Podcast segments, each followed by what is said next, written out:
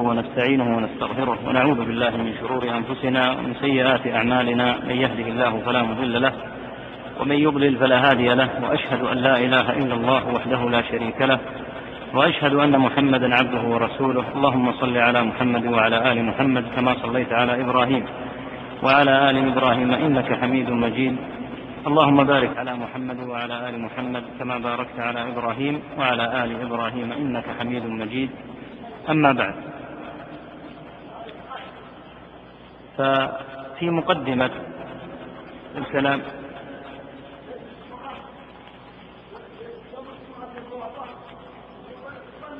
ففي مقدمة الكلام على كتاب أبي عثمان الصابوني رحمة الله تعالى عليه.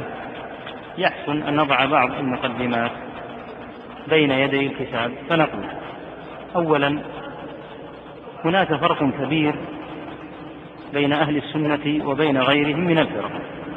هذا الفرق ينبغي أن يعرفه طالب العلم وأن يكون على دراية واسعة به. وقد نبه عليه غير واحد من أهل العلم منهم أبو العباس ابن تيمية رحمه, رحمه الله ومنهم شارح الطحاوية رحمه الله ابن أبي العز الحنفي ومنهم وهو من أقدم أقدم من رأيت أشار إليه الإمام العلامة أبو المظفر السمعاني رحمة الله تعالى عليه. هذا هذا الفرق المنهجي بين أهل السنة رحمة الله تعالى عليهم وبين غيرهم من أهل البدع هو في طريقة التعاطي والتعامل مع النصوص. فإن أهل السنة رحمة الله تعالى عليهم يبنون القواعد في مرحلة ثانية. بمعنى أن أول ما ينظر إليه أهل السنة هو النص. ثم بعد ذلك من خلال النصوص يبنون المعتقد. وهذا فرق جوهري كبير بين أهل السنة وبين غيرهم. لأن غير أهل السنة من جميع الفرق بدون استثناء فرقة واحدة يأتون إلى النصوص في مرحلة ثانية. بمعنى أنهم يقررون ما تدلهم عليه أهواؤهم وأذواقهم وعقولهم ثم بعد ذلك ينظرون في النصوص. فإذا نظروا في النصوص وإذا بها مخالفة لكثير من أهوائهم وما قرروه سلفا. فهنا يحتاجون إلى الجواب عن هذه النصوص المخالفة لما قرروه. عند ذلك يقررون والعياذ بالله ما أصلوه مسبقا ويجعلون كلام الله وكلام رسوله صلى الله عليه وسلم في المرحلة الثانية. بمعنى أنهم يصرون على ما دلتهم عليه أهواؤهم ويثبتون عليه ويقررونه. فإذا قيل لهم قال الله تعالى قال رسول الله صلى الله عليه وسلم لم يعبأوا به. قالوا لا بد من إمضاء هذه القواعد أما النص فيتعاملون معه تارة بما يسمونه بالتأويل وهو في الحقيقة محض التحريف والتغيير وتارة بالتجرؤ على سنة رسول الله صلى الله عليه وسلم إما برد هذه الأحاديث. جملة كما هو منهج بعض غلاتهم وإما بتكذيب ما لا يروق لهم منها. هذا الفرق ينبغي أن يعيه طالب العلم. وقد أشار إليه العلامة أبو المظفر السمعاني رحمه الله في كتاب له قيم أسماه الانتصار لأهل الحديث. هذا الكتاب غير موجود الآن لكن نقل طائفة كبيرة منه تلميذه قوام السنة الأصلهاني رحمة الله تعالى عليه في كتابه الحجة ونقل طائفة منه أيضا السيوطي في كتاب له مشهور اسمه صون المنطق. هذه المسألة الحقيقة أنها تعطي طالب العلم تعطيه نوعا من إنارة الدرب لماذا تشيعت الشيعة وخرج الخوارج وتجهمت الجهمية ولماذا؟ الشيء الجامع لهذه الفرق ما هو؟ لماذا يخالفون كتاب الله صراحا؟ ولماذا يردون سنة رسول الله صلى الله عليه وسلم لأجل هذه الأمور المسبقة؟ وهذا ليس شأن من يجعل كلام الله وكلام رسوله صلى الله عليه وسلم أصلا. لأن أهل السنة هم الذين فقط يصدق على منهجهم أنهم جعلوا النصوص أصلا. أما غيرهم فإن النصوص عندهم فرع شاءوا أم أبوا؟ لأنهم جعلوا هناك أشياء مسبقة قبل النصوص ثم نظروا في النصوص وهذا هو منهاج أهل الباطل. يقولون إن أوتيتم هذا فخذوه وإن لم تؤتوه فاحذروا. النتيجة مسبقة. النتيجة مسبقة. وهذا الكتاب القيم الذي بين أيدينا نسأل الله عز وجل أن ينفع الجميع به لا شك أنه من الكتب النافعة والقيمة في بابها وهو من الكتب المتقدمة نوعا ما لأن صاحبه رحمه الله عاش في أواخر القرن الرابع وطائفة من القرن الخامس. وهي مرحلة تعد بالنسبة لنا متقدمة ولا شك. تزيد على ألف السنة. الله المستعان. وفي هذا الكتاب يا أخوة عبرة للجميع وهو أن أهل الزيغ يحاولون دائما أن يجعلوا منهج أهل السنة خاصا بالحنابلة فيقولون قالت الحنابلة بإثبات الصفات. وقال غيرهم بتأويلها وكأن القضية قضية خلاف بين مذهبين كما تختلف المذاهب في المسائل الفقهية وهذا من الكذب. فإن المنهج الذي درج عليه السلف رحمهم الله كما يقول أبو العباس ابن تيمية رحمه الله منهج قديم معروف قبل أن يولد أبو حنيفة وأحمد والشافعي ومالك. ومنهج الصحابة رضوان الله تعالى عليهم والتابعين عليهم رضوان الله جميعا. وليست القضية قضية محصورة بمذهب معين ولهذا كان اختيار هذا الكتاب شيئا حسنا لأن مصنفه رحمه الله شافعي المذهب هو من فقهاء الشافعية. وإنما يدرس هذا الكتاب لأننا حين نأتي إلى موضوع الاعتقاد فإنا ننظر فيه إلى صحة المعتقد. أما كون المصنف ينحو منحى الشافعية أو الحنبلية أو المالكية أو الحنفية في أمور الفقه فهذه مسألة أخرى. هذه مسائل الاجتهاد من جعل الدليل هو الأصل فذلك لا يضره كما لا يخفى فلهذا كان اختيار هذا الكتاب لرجل شافعي من الأمور الحسنة. وقد لاحظتم كيف أن ابن تيمية رحمه الله تعالى في الفتوى الحموية تعمد أن ينقل عن عدد من غير الحنابلة. وتعمد تلميذه ابن القيم رحمة الله تعالى عليه أن ينقل في كتابه اجتماع الجيوش الإسلامية عن عدد غير قليل من الحنابلة من غير عن عدد من غير الحنابلة. وصنفهم وجعل الحنابلة هم في الأخير فبدأ في ترتيب المذاهب بعد أن ذكر السلف بالحنفية ثم المالكية ثم الشافعية ثم الحنبلية. ولهذا قال في النونية رحمه الله تعالى بعد أن ذكر مقولة أهل العلم ونقل مقولات العلماء من غير الحنابلة من الشافعية والمالكية والحنفية ومن قبلهم يقول رحمه الله ما في الذين نقلت عنهم آنفا من حنبلي واحد بضماني. يعني أني تعمدت أن أنقل عن غير الحنابلة حتى يعرف أن العقيدة غير مربوطة بالحنابلة وأن الحق الذي درج عليه السلف الصالح رحمهم الله لا يجوز أن يحصر في مذهب معين لأن حصره خطير جدا. إذ يعني أن المسألة مسألة اجتهاد فقهي فلهذا أن يؤول ولهذا أن يثبت هذا المعنى. وهذا ما راموه وأرادوه. ولكن الحق الذي لا إشكال فيه أن العقيدة كما صنف وسماها في مقدمة الكتاب العلامة الصابوني رحمه الله عقيدة السلف. وليست القضية عقيدة أهل مذهب معين بل هي عقيدة السلف أصحاب الحديث رحمة الله تعالى عليهم.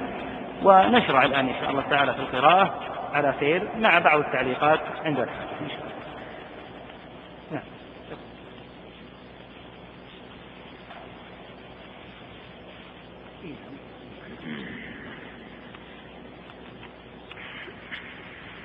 بسم الله الرحمن الرحيم. الحمد لله رب العالمين والصلاة والسلام على أشرف الأنبياء والمرسلين نبينا محمد عليه وعلى آله وأصحابه وأزواجه ومن تبعهم بإحسان إلى يوم الدين. اللهم اغفر لنا ولشيخنا وللحاضرين وللمسلمين والمسلمات أجمعين برحمتك يا أرحم الراحمين. قال المؤلف رحمه الله تعالى بسم الله الرحمن الرحيم. رب يسر وأعن بفضلك ورحمتك. أخبرنا قاضي القضاة بدمشق نظام الدين عمر بن إبراهيم بن محمد بن مفلح الصالحي الحنبلي إجازة إجازة مشافاة الأخ يطلب الصفحة في نسخة الدكتور الجديع في صفحة 155 في صفحة 155 مبدأ الكلام والنسخ الأخرى بدأ من قول المصنف يعني بعد مقدمة المحقق. أخبرنا الحافظ أبو عبد الله محمد بن عبد الله بن أحمد بن المحب المقدسي إجازة إن لم يكن سماعا. أخبرنا الشيخان جمال الدين عبد الرحمن بن أحمد بن عمر بن شكر وأبو عبد الله محمد بن بن المحب عبد الله بن أحمد بن محمد المقدسيين. قال الأول المقدسيين قال الأول أخبرنا إسماعيل بن أحمد بن سين بن محمد العراقي سماعا.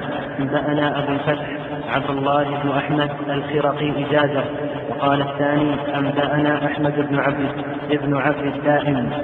وأخبرنا المحدث تاج الدين محمد بن الحافظ عماد الدين عماد الدين إسماعيل بن محمد بن ضربة البعلي في كتابه أنبأنا أبو عبد الله محمد بن إسماعيل بن الخباز شفاها.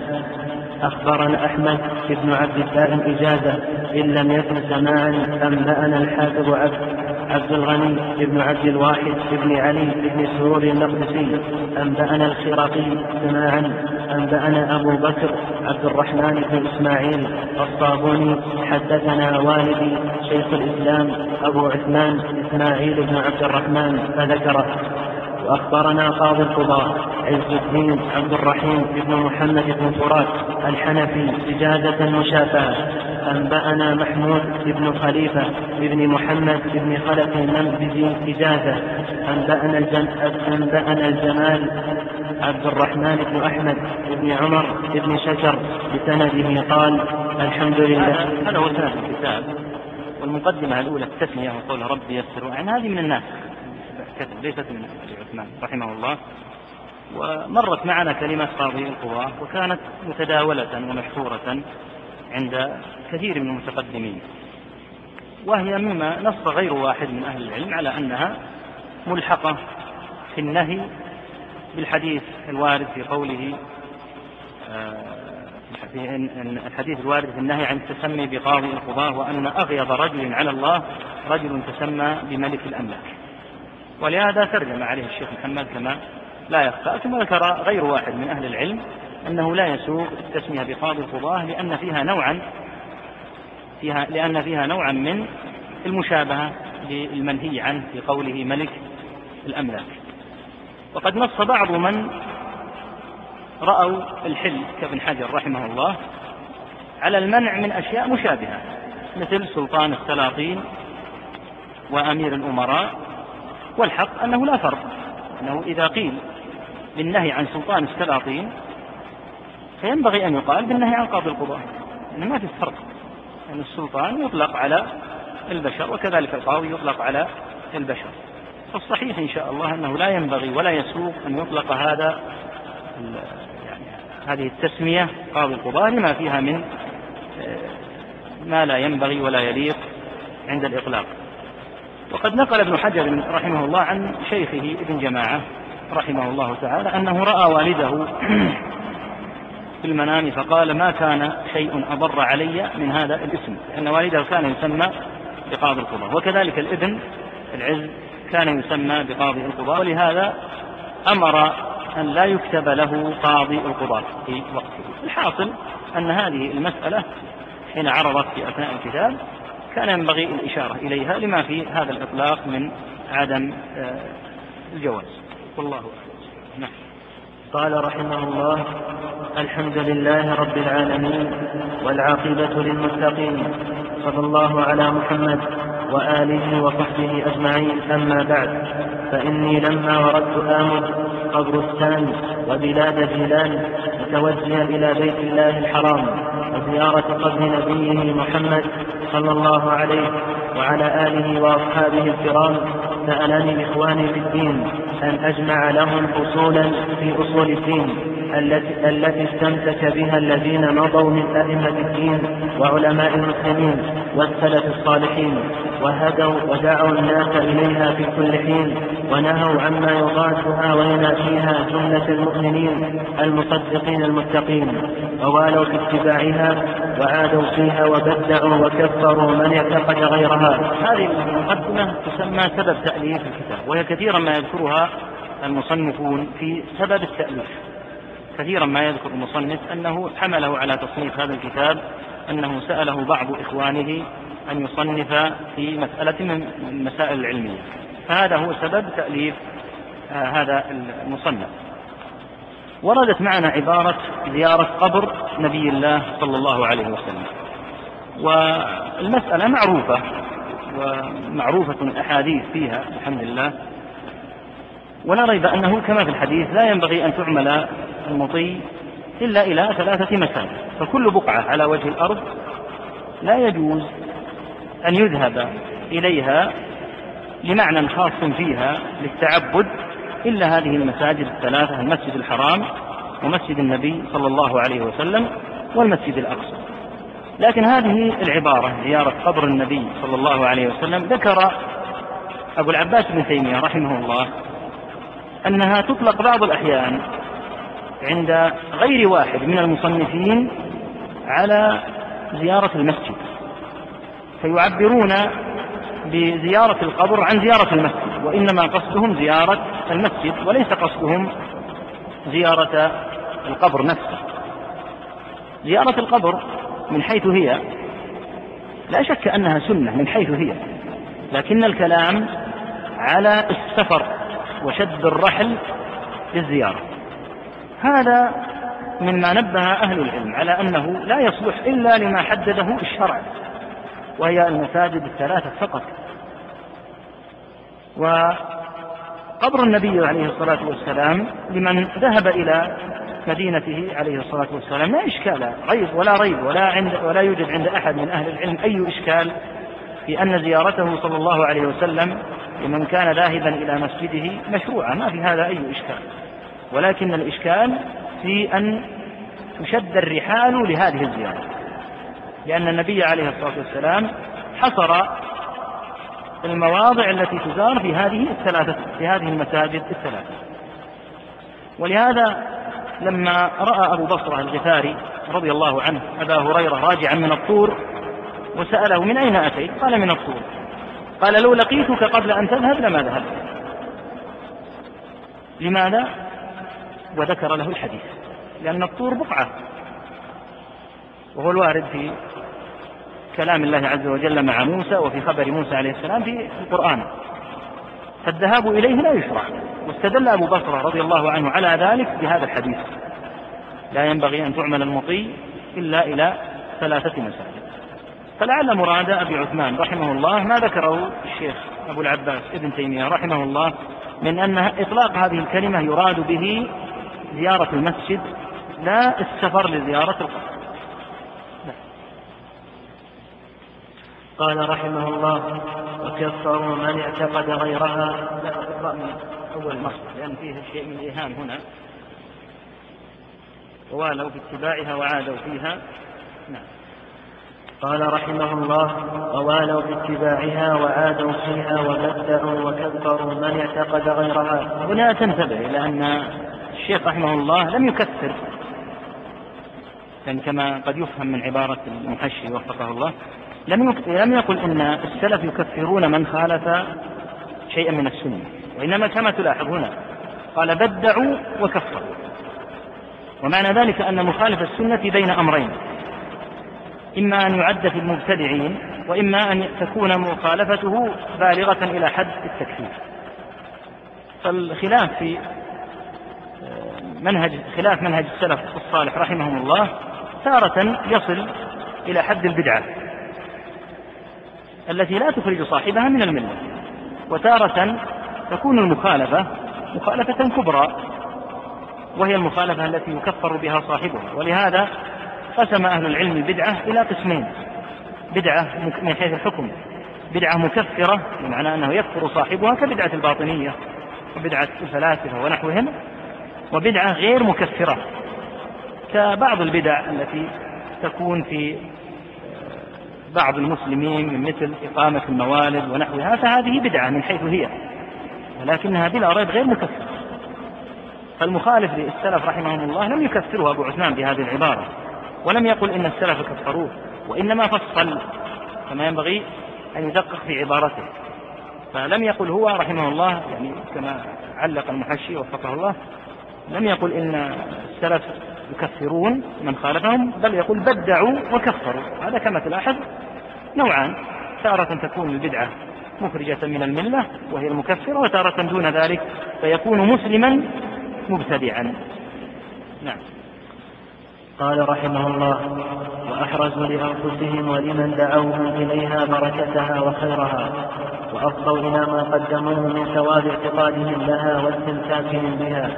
وإرشاد العباد إليها وحملهم إياهم عليها فافتقرت الله تعالى وأثبت في هذا الجزء ما تيسر منها على سبيل الاختصار من باب الفائدة كلمة الجزء نبه أحمد شاكر رحمه الله في مقدمة الرسالة للشافعي لأنه هو الأليق بالإطلاق وأن كلمة رسالة يقول كلمة رسالة هذه يقول غير دقيقة من حيث التسمية. يقال أجزاء أو يقال جزء. أما إطلاق يعني يرى رحمه الله أن إطلاق كلمة رسالة على المصنفات الصغيرة طبعا هذا من حيث يعني الإطلاق الاصطلاحي وليس فيه يعني شيء من التبديع أو التفسير لا.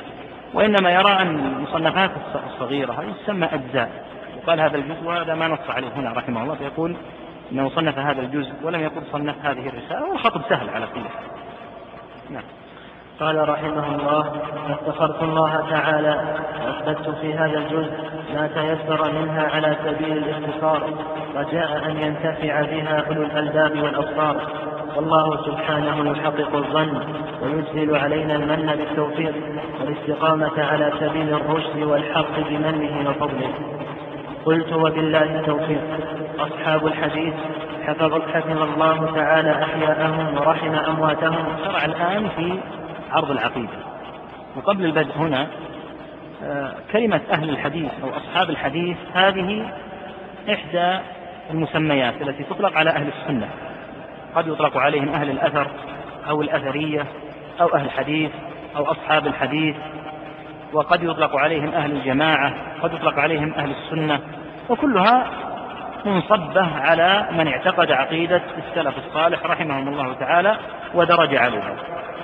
وأطلق عليهم أصحاب الحديث لأنه لم يعرف قدر الحديث أحد سواه لأنهم هم الذين أعملوا هذه الأحاديث وهم الذين أعطوها قدرها وحقها ولم يتعرضوا لها بالتحريفات كما تقدم في أول الكلام وإنما جعلوا حديث رسول الله صلى الله عليه وسلم بالمكانة التي جعلها الله عز جعل التي جعل الله عز وجل له. فالحديث كما لا يخفى من أعظم ما يبين القرآن. فالصلوات على سبيل المثال الخمس تفاصيلها هذه لا تعرف إلا من الحديث والحج تفاصيله الكثيرة لم تعرف إلا من الحديث وهكذا غيره. ولهذا حذر عليه الصلاة والسلام من أناس يأتون بعده يهونون من شأن حديثه صلى الله عليه وسلم فقال ألا إني أوتيت الكتاب أي القرآن ومثله معه. ألا يوشك رجل شبعان على أريكته أن يقول عليكم بهذا القرآن فما وجدتم فيه من حلال فأحلوه وما وجدتم فيه من حرام فحرموه. وهذا الصنف لا شك أنه وجد قديما ووجد حديثا أيضا ولا يزالون إلى الآن يهونون من شأن سنة رسول الله صلى الله عليه وسلم. ولم يقم للسنة قدرها أحد مثل أهل السنة ولهذا أطلق عليهم أهل الحديث وأطلق عليهم أهل السنة رحمة الله عليهم نعم. قال رحمه الله أصحاب الحديث حفظ الله تعالى أحياءهم ورحم أمواتهم يشهدون لله تعالى بالوحدانية للرسول صلى الله عليه وسلم بالرسالة والنبوة ويعرفون ربهم عز وجل بصفاته التي نطق بها وحيه وتنزيله. أو شهد له بها رسوله صلى الله عليه وسلم على ما وردت الأخبار الصحاح به ونقلت العدول الثقات عنه ويثبتون له جل جلاله ما أثبته لنفسه في كتابه وعلى لسان رسوله صلى الله عليه وسلم ولا يعتقدون تشبيها لصفاته بصفات خلقه فيقولون إنه خلق آدم بيديه كما نص سبحانه عليه في قوله عز من قائل قال يا إبليس ما منعك أن تسجد لما خلقت بيدي ولا يحرفون الكلم عن مواضعه بحمل اليدين على النعمتين أو القوتين تحريف المعتزلة الجهمية أهلكهم الله ولا يكيفونهما بكيف أو شبهها بأيدي بأيدي المخلوقين تشبيها المشبهة خذلهم الله. نص هنا رحمه الله تعالى على مسائل كبار من اعتقاد أهل السنة. أعظم هذه المسائل وأجلها هي مسألة التوحيد كما هو معروف. وأمر التوحيد أمر عظيم وأمر جسيم جليل ولهذا فإنه هو الذي يبدأ به في الدعوة. وإذا تأملت أخبار الأنبياء عليهم الصلاة والسلام في كتاب الله تعالى وجدت ذلك واضحا جليا. قال الله عز وجل لقد أرسلنا نوحا إلى قومه فقال يا قوم اعبدوا الله ما لكم من إله غيره. وقال تعالى وإلى عاد أخاهم هودا فقال يا قوم اعبدوا الله ما لكم من إله غيره.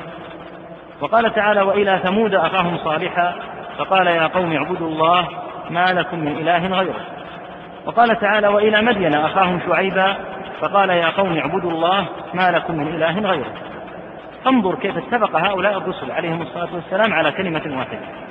وجميع الرسل كذلك. ولهذا قال تعالى وما أرسلنا من قبلك من رسول. قال تعالى ولقد بعثنا في كل أمة رسولا أن اعبدوا الله واجتنبوا الطاغوت. فهذه هي خلاصة الرسالة. أن يعبد الله وحده لا شريك له وأن يخص سبحانه وتعالى بجميع أنواع العبادة وأن يكفر بكل ما عبد من دونه. وأمر التوحيد أيها الإخوة أمر عظيم وينبغي أن يعرف. وقد يسر الله عز وجل لأهل هذا البلد بفضله ومنته الإمام المجدد الشيخ محمد بن عبد الوهاب رحمه الله فصار التوحيد فيهم واضحا. ولكن ثمة مواضع كثيرة في هذه الأمة لا يعرف كثير من أهلها التوحيد الذي أنزله الله عز وجل على رسله. وبعث الله عز وجل به الرسل وأنزل لأجله الكتب وشرع الشرائع. هذا التوحيد أساسه لا إله إلا الله. وهذه الكلمة العظيمة ينبغي أن يعرفها طالب العلم. وأن يفهم الأدلة الدالة عليها ويفهم شروطها. فإن هذه الكلمة مكونة من نفي وإثبات. فإن المنفي في قولنا لا إله هو المعبود. والمثبت هو العبادة لله عز وجل وحده. وأهل العلم ذكروا أن معنى لا إله إلا الله ولا معبود بحق إلا الله. تلاحظ هنا كلمة الإله فسرت بالمعبود. فلماذا لم نقل لا معبود إلا الله؟ ومن أين أتي بهذه الكلمة بحق؟ هذه المسألة قد تسأل عنها أنت يا طالب العلم. فينبغي أن تعرف أن دليلها في القرآن. لأنه لو قيل لك ليس من حقك أن تجعل الخبر خبر لا لأن كلمة إله هذه اسم لا لا هذه هي النافية للجنس. ما هو خبرها؟ خبرها حق لا إله حق إلا الله. أو لا لا إله لا, لا إله بحق إلا الله. الإله في اللغة معروف أنه معبود في مثل هذه المواطن لأنه من أله يأله إلهة بمعنى عبد يعبد عبادة لكن التقدير هذا من أين أتى؟ قد تسأل عنه. فالجواب أن هذا قد نص الله عز وجل عليه في سورتين من القرآن. السورة الأولى هي سورة الحج والسورة الثانية هي سورة لقمان. عليه السلام. ونص فيها على هذا القيد وهو قيد حق. ينبغي أن تعرف هذا الموطن وتعرف الدليل. ولماذا قيدنا وقلنا بحق؟ لأن المعبودات كثيرة. فلو قلنا لا إله لا معبود إلا الله هناك معبودات كثيرة. فلهذا جيء بهذا القيد لنخرج بكلمة حق المعبودات الباطلة. فنقول هناك معبودات نعم باطلة ولكنها ليست هذه هذه التي ضربتها لا إله إلا الله ليست المعبودات بحق. ولهذا فإن كفار قريش حين ردوا هذه الكلمة ردوها رد العارف لمعناها ولهذا قالوا للنبي صلى الله عليه وسلم أجعل الآلهة إلها واحدا. وردها قوم هود عليه السلام أيضا رد العارف. فإن هودا عليه السلام حين قال لهم اعبدوا الله ما لكم من إله غيره قال الله عز وجل في ذكر ردهم عليه أجئتنا لنعبد الله وحده ونذر ما كان يعبد آباؤنا ففهموا من كلمة التوحيد أنها ترك لما يعبد من دون الله وتخصيص العبادة لله وحده لا شريك له. ولهذا يقول بعض أهل العلم رحمهم الله كيف يكون الإنسان ينتسب إلى الإسلام وأبو جهل وكفار قريش أعرفوا بلا إله إلا الله من حيث المعنى منه لأنهم ردوها بعد أن عرفوا معناها وكثير من الناس سيما أهل الشرك ونحوهم يرددون هذه الكلمة ولا يعرفون معناها ولو طلب إليهم أن يبينوا معناها لما عرفوا. وهذا لا ينبغي لا ينبغي أن يكون من طالب العلم ينبغي أن يعرفها ويعرف معانيها ويعرف شروطها فإن لها شروطا سبعة. أوردها الناظم رحمه الله تعالى في قوله علم يقين وإخلاص وصدقك مع محبة وانقياد والقبول لها. فهذه سبعة شروط. تنفع قائل لا إله إلا الله. ثم بعد أن ذكر الوحدانية ذكر الرسالة. والشهادة للنبي عليه الصلاة والسلام محمد بن عبد الله بأنه رسول الله. فذكر هنا النبي الرسول. وقد ذكر الله عز وجل في بعض من أرسل هذين الوصفين. وكان رسولا نبيا. وقد ذكر أهل العلم فروقا بين النبي والرسول. من أشهر هذه الفروق أن النبي من أوحي إليه بشرع ولم يؤمر بتبليغه. والرسول من أوحي إليه بشرع وأمر بتبليغه. أما ابن تيمية رحمه الله تعالى وله كتاب عظيم اسمه كتاب النبوات فذكر كلاما لعله أدق من هذا وأوجه وأصح وهو أن النبي في الواقع مرسل لأن التعريف السابق يجعل النبي غير مرسل والنص القرآني دال على أن على أن النبي مرسل قال تعالى وما أرسلنا من قبلك من رسول ولا نبي. إلا إذا تمنى ألقى الشيطان في أمنيته فذكر إرسالا يعم النوعين يعم الرسول ويعم النبي. والتعريف السابق يقول أمر بشرع أوحي إليه بشرع ولم يؤمر بتبليغه بمعنى أنه لم يرسل. لكن الواقع أن الآية هذه الآية وغيرها من الآيات دالة على أن النبي يرسل وهي صريحة. وما أرسلنا من قبلك من رسول ولا نبي إلا إذا تمنى ألقى الشيطان في أمنيته. ذكر رحمه الله أن النبي بمثابة المجدد لشرع من قبله فهو تابع لنبي قبله. والنبي يكون بين المؤمنين بين أناس مؤمنين غير كفار. كما ذكر الله عز وجل عن أنبياء بني إسرائيل حيث يحكمون بالتوراة وهم أنبياء. قال تعالى إنا أنزلنا التوراة فيها هدى ونور يحكم بها النبيون. فالأنبياء أنبياء بني إسرائيل يحكمون بشريعة التوراة. أما الفرق الجوهري بين النبي والرسول فليس هو الإرسال لأن قلنا إن النبي مرسل لكنه مرسل إلى قوم مؤمنين. أما الرسول فهو مرسل إلى قوم مخالفين. يرسل إلى أناس مخالفين يخالفون وعندهم كفر وعندهم مخالفة فيرسل إليهم الرسول. أما النبي فإنه يرسل إلى قوم مؤمنين. وهذه الآية العظيمة تشهد لهذا. وما أرسلنا من قبلك من رسول ولا نبي. الآية إلا إذا تمنى ألقى الشيطان في أمنيته. الآية وكذلك الآية التي تلانا إنا أنزلنا التوراة فيها هدى ونور يحكم بها النبيون. هؤلاء الأنبياء بني إسرائيل يحكمون بشريعة التوراة التي أنزلت على موسى. فدل على أن النبي تابع لشرع من قبله. بينما الرسول يرسل إلى أناس مخالفين. وذكر رحمه الله أنه ليس من شرط الرسول يعني ليس من الفوارق بين النبي والرسول أن يأتي الرسول بشريعة جديدة. لا يشترط هذا. الشرط الفارق بين النبي والرسول هو كون الرسول يبعث إلى أناس مخالفين. وقد يبعث برسالة من قبله. كما هو صريح الآية التي ذكرت يوسف عليه السلام في خبر مؤمن آل فرعون ولقد جاءكم يوسف من قبل بالبينات.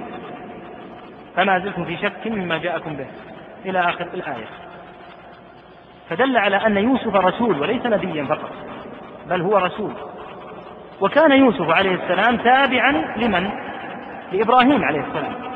تابعا لشريعة إبراهيم عليه الصلاة والسلام فالفرق الذي ذكره ابن تيمية رحمه الله تعالى في هذا المقام واضح وأن النبي يبعث في المؤمنين يجدد فيهم الشريعة التي قبله بينما الرسول يبعث إلى قوم مخالفين. ثم إنه ذكر رحمه الله تعالى بعد الوحدانية وبعد الرسالة المسألة التي طال خلاف أهل البدع والضلال فيها وهي مسألة الصفات. فإن المخالفين لأهل السنة في الصفات على قسمين. قسم بالغوا في الإثبات. يعني لم يكتفوا بإثبات ما أثبت الله بل بالغوا في هذا الذي أثبتوه حتى خرجوا عن حد الإثبات إلى حد التمثيل والعياذ بالله. الصنف الثاني هم الذين ردوا هذه النصوص وإن لم يردوا النصوص بطريقة صريحة بمعنى أن يكذبوا الله لأن من كذب الله كفر قطعا ولكنهم تأولوها تأويلات مخالفة تأويلات مخالفة للحق. ولما عرف عن الصحابة رضوان الله تعالى عليهم ولما تدل عليه اللغة التي نزل بها القرآن. وأمر الصفات أمر عظيم. ينبغي أن يتقنه طالب العلم وأن يضبطه. فيقال فيه في مقدمة الكلام وسيركز رحمه الله جزءا من من كلامه الآتي جزءا كبيرا من كلامه الآتي على موضوع الصفات. نقول الصفات تنقسم ينقسم كلام أهل السنة رحمهم الله تعالى في أمر الصفات إلى قسمين اثنين. جامعين كبيرين. القسم الأول الإثبات. إثبات ماذا؟ إثبات ما أثبته الله. وأثبته الرسول صلى الله عليه وسلم. والثاني هو النفي. نفي ماذا؟ نفي ما نفاه الله عن نفسه أو نفاه عنه رسوله صلى الله عليه وسلم. يبقى قسم ثالث أحدثه الناس. وهو ما لم يثبت في النصوص. ولم ينفى أيضا. بمعنى أن النصوص سكتت عنه. هذا القسم الثالث لما كان أهل السنة يدورون مع النص حيث دار سكتوا كما سكتت النصوص. قال الله تعالى يا أيها الذين آمنوا لا تقدموا بين يدي الله ورسوله. فإذا سكت الله فلا تتكلم أنت إياه. لأنك إذا تكلمت والله عز وجل قد سكت غير نسيان لا شك وما كان ربك نسيا فإنك مجترئ. ولهذا أمر هذه الصفات لا ينضبط لأي فرقة من الفرق إلا لأهل السنة. وذلك أن أهل السنة يقولون نحن لا يأتينا خطر من موضوع الصفات مطلقا. لا في الدنيا ولا في الآخرة. وذلك أن إذا سئلنا يوم القيامة لما أثبتتم لله عز وجل هذه الصفات؟ نقول نحن أثبتنا لله هذه الصفات لأنه أثبتها لنفسه. وإذا قيل لنا لماذا نفيتم عن الله صفات أخرى؟ قلنا نفيناها لأن الله نفى. إنما الذي يحتاج إلى أن يجيب من ينفي ما أثبت الله. إذ يقال له لم ترى الله عز وجل يثبت وتجترئ أنت وتنفي؟ وكذلك من يثبت ما نفى الله. فإنه يقال له لم اجترأت على رب العالمين؟ فأتيت إلى ما نفاه فأثبته أنت. هذه هي المحادة لله ورسوله. أما من يثبت ما أثبت الله وينفي ما نفى الله ويسكت إذا سكتت النصوص فأنى أن يصيبه الشر. كيف يصيبه الشر؟ وهو متبع غير مبتدع. وإنما الابتداع هو الذي يجر على صاحبه البلاء. المخالفون لأهل السنة كما قلنا صنفان خبيثان سيئان. الصنف الأول هم الممثلة. الذين يقول الواحد منهم إن صفات الله والعياذ بالله مثل صفات المخلوقين. مع أن الله نفى هذا نفيا واضحا في قوله عز وجل ليس كمثله شيء. وقوله سبحانه وتعالى ولم يكن له كفوا أحد. وقال تعالى هل تعلم له سميا سبحانه وبحمده. فهؤلاء لا شك ولا ريب أنهم خالفوا هذه النصوص. بأن مثلوا صفات الله وشبهوها بصفات المخلوقين. هؤلاء قد خالفوا لأنهم ماذا؟ لأنهم أثبتوا ما نفى الله. ما الذي نفاه الله؟ نفى الله المماثلة. بقوله ليس كمثله ليس كمثله شيء. فجاءوا هم وأثبتوا المماثلة. وهذا عين المحادة لله ورسوله. أما المعطلة فإنهم يأتون إلى الصفات التي أثبتها الله عز وجل فينفونها لماذا ينفونها؟ يقولون لأنها لا تليق بالله. وهذه الكلمة لو تشققت لها السماوات والأرض وانهدت لها الجبال لما كان شيئا لما كان شيئا غريبا. لماذا؟ لأن الذي لا يليق بالله أين يكون؟ في القسم المنفي. ولهذا نفاه الله عن نفسه. لماذا؟ لأنه لا يليق به. كالنوم. قال تعالى لا تأخذه سنة ولا لا تأخذه سنة ولا نوم. قال صلى الله عليه وسلم إن الله لا ينام ولا ينبغي له أن ينام. سبحانه وتعالى. وكذلك غيرها من الصفات كالغفلة. ما الله بغافل. وكذلك غير يعني جميع الصفات كالظلم وما ربك بظلام للعباد. وما الله وما ربك بظلام للعبيد. إلى غير ذلك من الآيات التي فيها نفي ما لا يليق بالله. فالذي لا يليق بالله نفاه الله عنه. فأما إذا أتيت إلى ما أثبت الله وقلت لا يليق فقد رددت على الله ردا صريحا. لأنه لو كان لا يليق لنفاه الله. استمع إلى الآية التي قرأت في الصلاة. في آخرها قوله وأنا التواب الرحيم. قوله تعالى وأنا التواب الرحيم. أليس هذا تعريفا بالله؟ يعرف الله عز وجل عباده بالصفة وبالاسم. وأنا التواب الرحيم.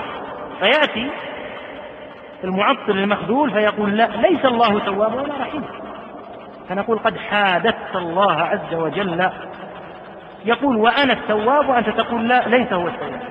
هذه عين المحادة لله ورسوله.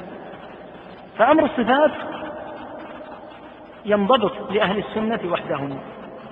أما من سواهم فإنهم إما أن يثبتوا ما نفى الله أو أن ينفوا ما أثبت ومن فعل هذا فلا ريب أنه قد حاد الله محادة واضحة وصريحة وجلية. فإذا كان من يرفض أن يصلي ويقول الصلاة غير واجبة يقال له أنت قد حادثت الله.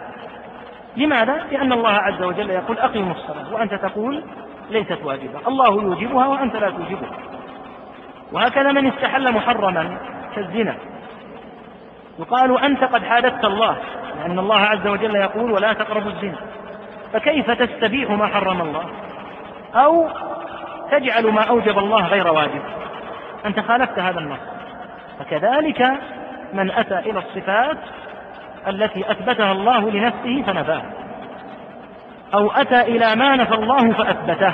فلا ريب أنه محاد لله. والله يقول إن الذين يحادون الله ورسوله أولئك في الأذلين وقال الله عز وجل ولله الأسماء الحسنى فادعوه بها وذروا الذين يلحدون في أسمائه.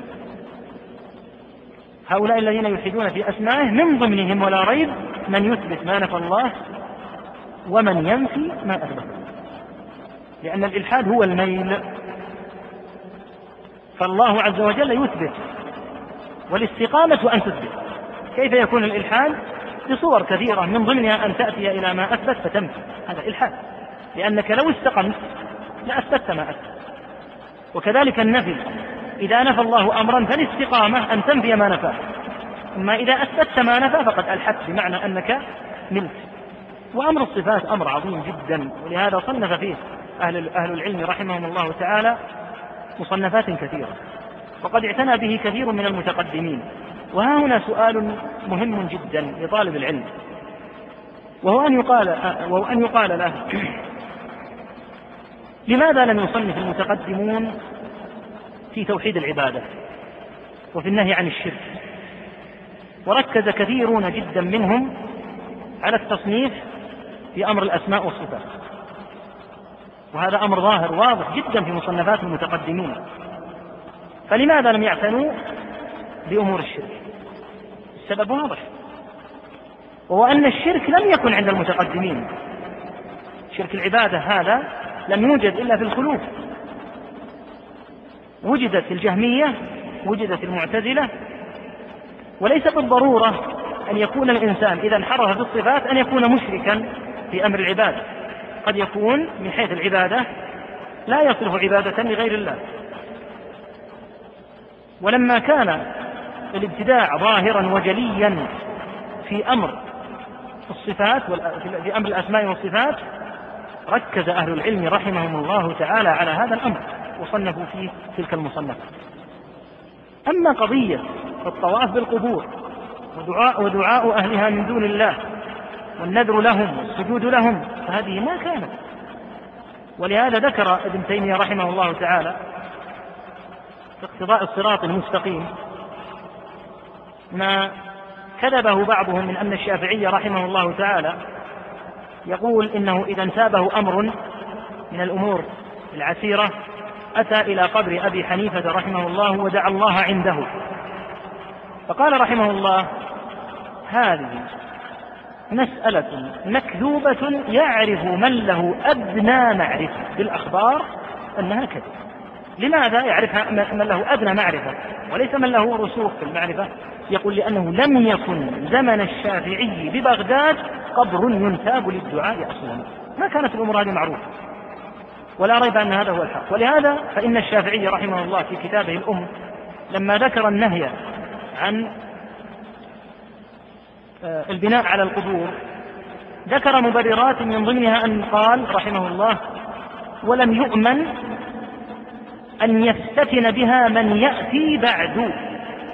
مما يدل على أنها لم تكن موجودة في زمانه وهذا لا ريب فيه وهذا ينبغي أن يعرف طالب العلم يعني هذا الجواب ينبغي أن يعرفه طالب العلم لأنه يفسر له السبب في كثرة مصنفات المتقدمين في الأسماء والصفات. دون أمور الشرك لأن أمور الشرك ما طرأت في الأمة إلا آخرا في الخلوف المتأخر. أما أمور الأسماء والصفات فقد أضر بالمسلمين عدد من أهل البدع والضلال رأسهم الجعد بن درهم الذي هو أول من حفظ عنه.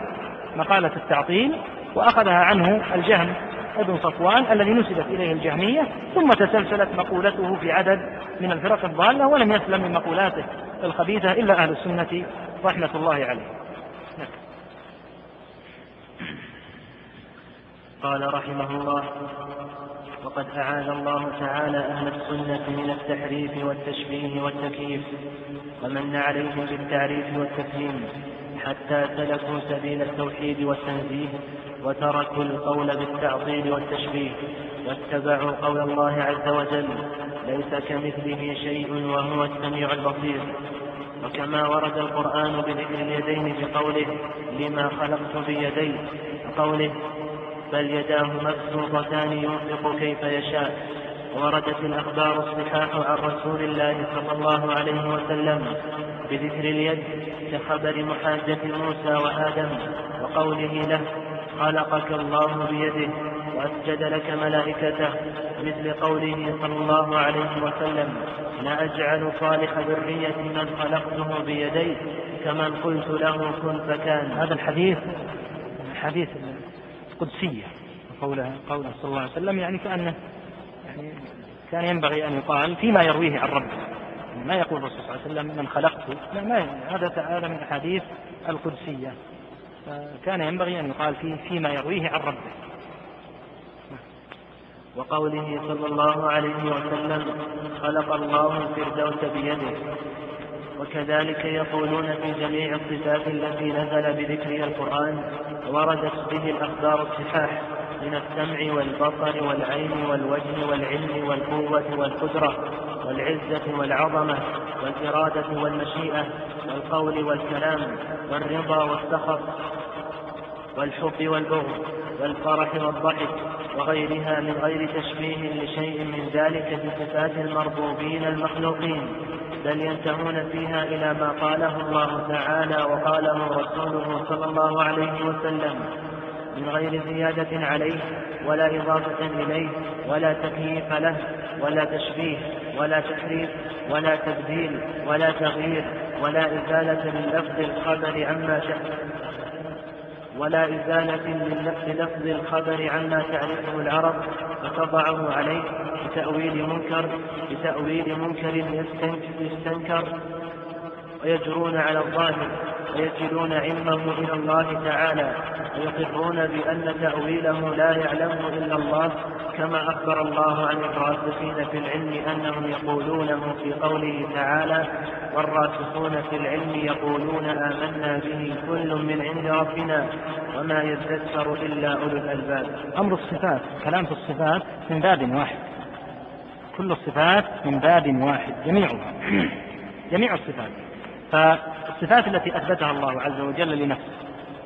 يجب كما قلنا أن لا يفرق بينها فيؤمن أحد بصفة ويعطل ويجحد صفة أخرى. هذا لا شك أنه سبيل أهل الزيغ. لأن من أهل البدع من آمن ببعض الصفات وتأول بعضا.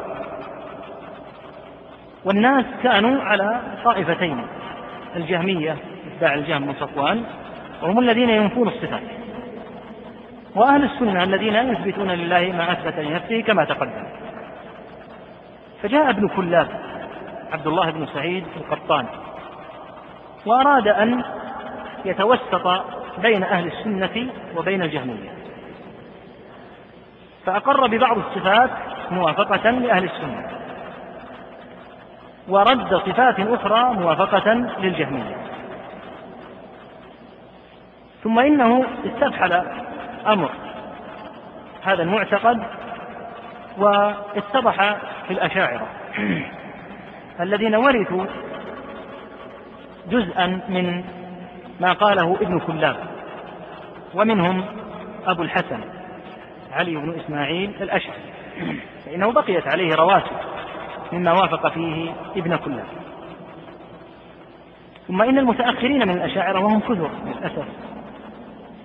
بقوا على هذا المعتقد ثم زادوا فيه بعد أن أخرجه بعض الذين مالوا منهم للاعتزال والجهمية ومن أشهرهم أبو المعالي الجويني قربوا جدا من المعتزلة وصاروا لا يقرون إلا بسبع من الصفات يسمونها صفات المعاني ويسمونها الصفات العقلية التي يقولون إن العقل دل عليه ويتأولون بقية الصفات.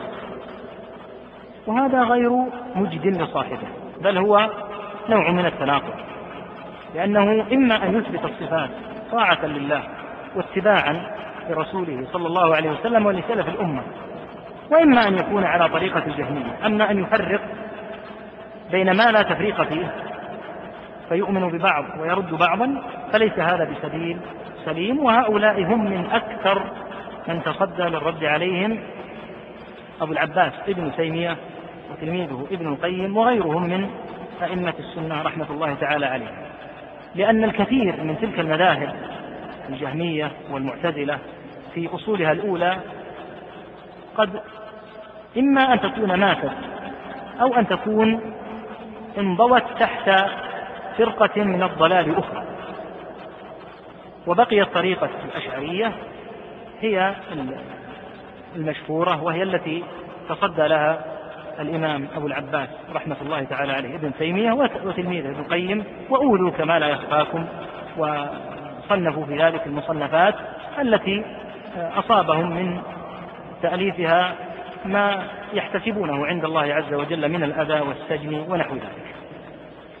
فبقيت هذه البقية الأخيرة من هؤلاء وهم معدودون في الجهمية الأشعرية معدودون في الجهمية. سميه الشيخ رحمه الله فروع فروع الجهمية. فهم قد أخذوا عن الجهمية بعض مقولاتهم. ف يعني يبقى أن يؤكد على أن أمر الاعتقاد الصفات لا يثبت لأحد ولا يمكن أن يسلم أحد فيه من التناقض إلا أهل السنة رحمة الله تعالى عليهم.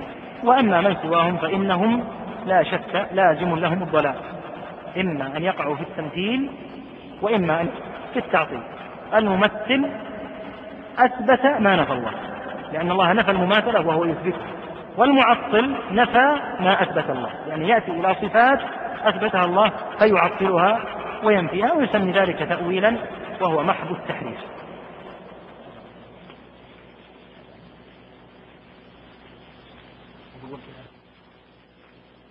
بسم الله الرحمن الرحيم والصلاة والسلام على رسول الله يقول هذا السائل ما هي الصفات السبع التي أثبتها الأشاعرة في معتقدهم بسم الله الرحمن الرحيم أولا قبل الجواب على هذا ينبغي أن يعرف أمر مهم جدا وهو أن هذه المذاهب والفرق لا يفرح بمعرفة أقوال أهلها لأن الذي يقولونه ليس من العلم.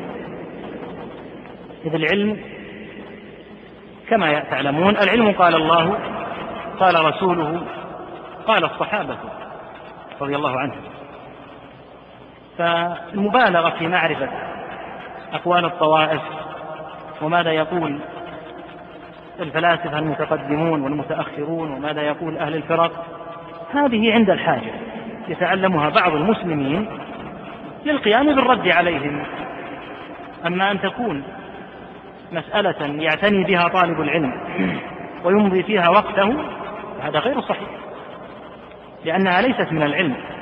يقول أبو عمر بن عبد البر رحمه الله تعالى أجمع أهل العلم على أن أهل الكلام لا يعدون في طبقة العلماء ليسوا علماء. ويقول الشافعي رحمه الله في مسألة من أحسن المسائل المذكورة في كتاب الوصايا لو أن رجلا أوصى بكتبه من العلم. يعني إنسان قال هذه الكتب التي عندي في مكتبتي هي لطلبة العلم في مكة أو في المدينة أو في الرياض أو في أي بلد تكون أوصي بها ليعتنوا بها. قد يكون أبناء مثلا لا طالب علم فيهم أو قد يضيعونها.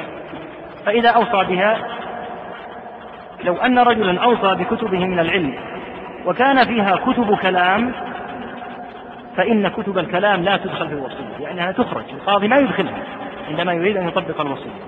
قال لأن الكلام ليس من العلم. فإذا وجدنا كتب التفسير السنية كتب الحديث كتب أهل العلم في الفقه ونحو ذلك فهذه تدخل في الوصية. يقول أما كتب أهل الكلام فلا تدخل. لماذا؟ قال لأن الرجل أوصى بكتبه من العلم. والكلام لا يعد من العلم. وهكذا الفلسفة ونحوها, ونحوها فهي ليست علما. وهذا هكذا أقوال المتأخرين من الفلاسفة المتأخرين في العصور الحديثة. هذه في الحقيقة لا تعد علما والمستكثر الفرح بها يقال له ليس عندك علم. إنما العلم في الرد عليها على طريقة أهل السنة. أما أن تعرف ما يقول أهل الباطل فهذا في ذاته لا يعد علما لأن مقولاتهم ليست علما. أما الصفات السبع التي ذكر الأشاعرة فهي المشهورة العلم والسمع والبصر والإرادة والقدرة والمشيئة والكلام. نعم. وهذا يسأل عن النعمة أو البدعة الحسنة. ويذكر قول عمر رضي الله عنه نعم البدعة. نعم. لا شك أن النبي عليه الصلاة والسلام قد أوتي جوامع الكلم ولهذا قال صلى الله عليه وسلم كل بدعة ضلالة. وهذا النص لا يستطيع أحد إلى يوم القيامة أن يخرج منه بدعة من بدع الضلال لأنه عليه الصلاة والسلام مبلغ عن الله كل بدعة ضلالة.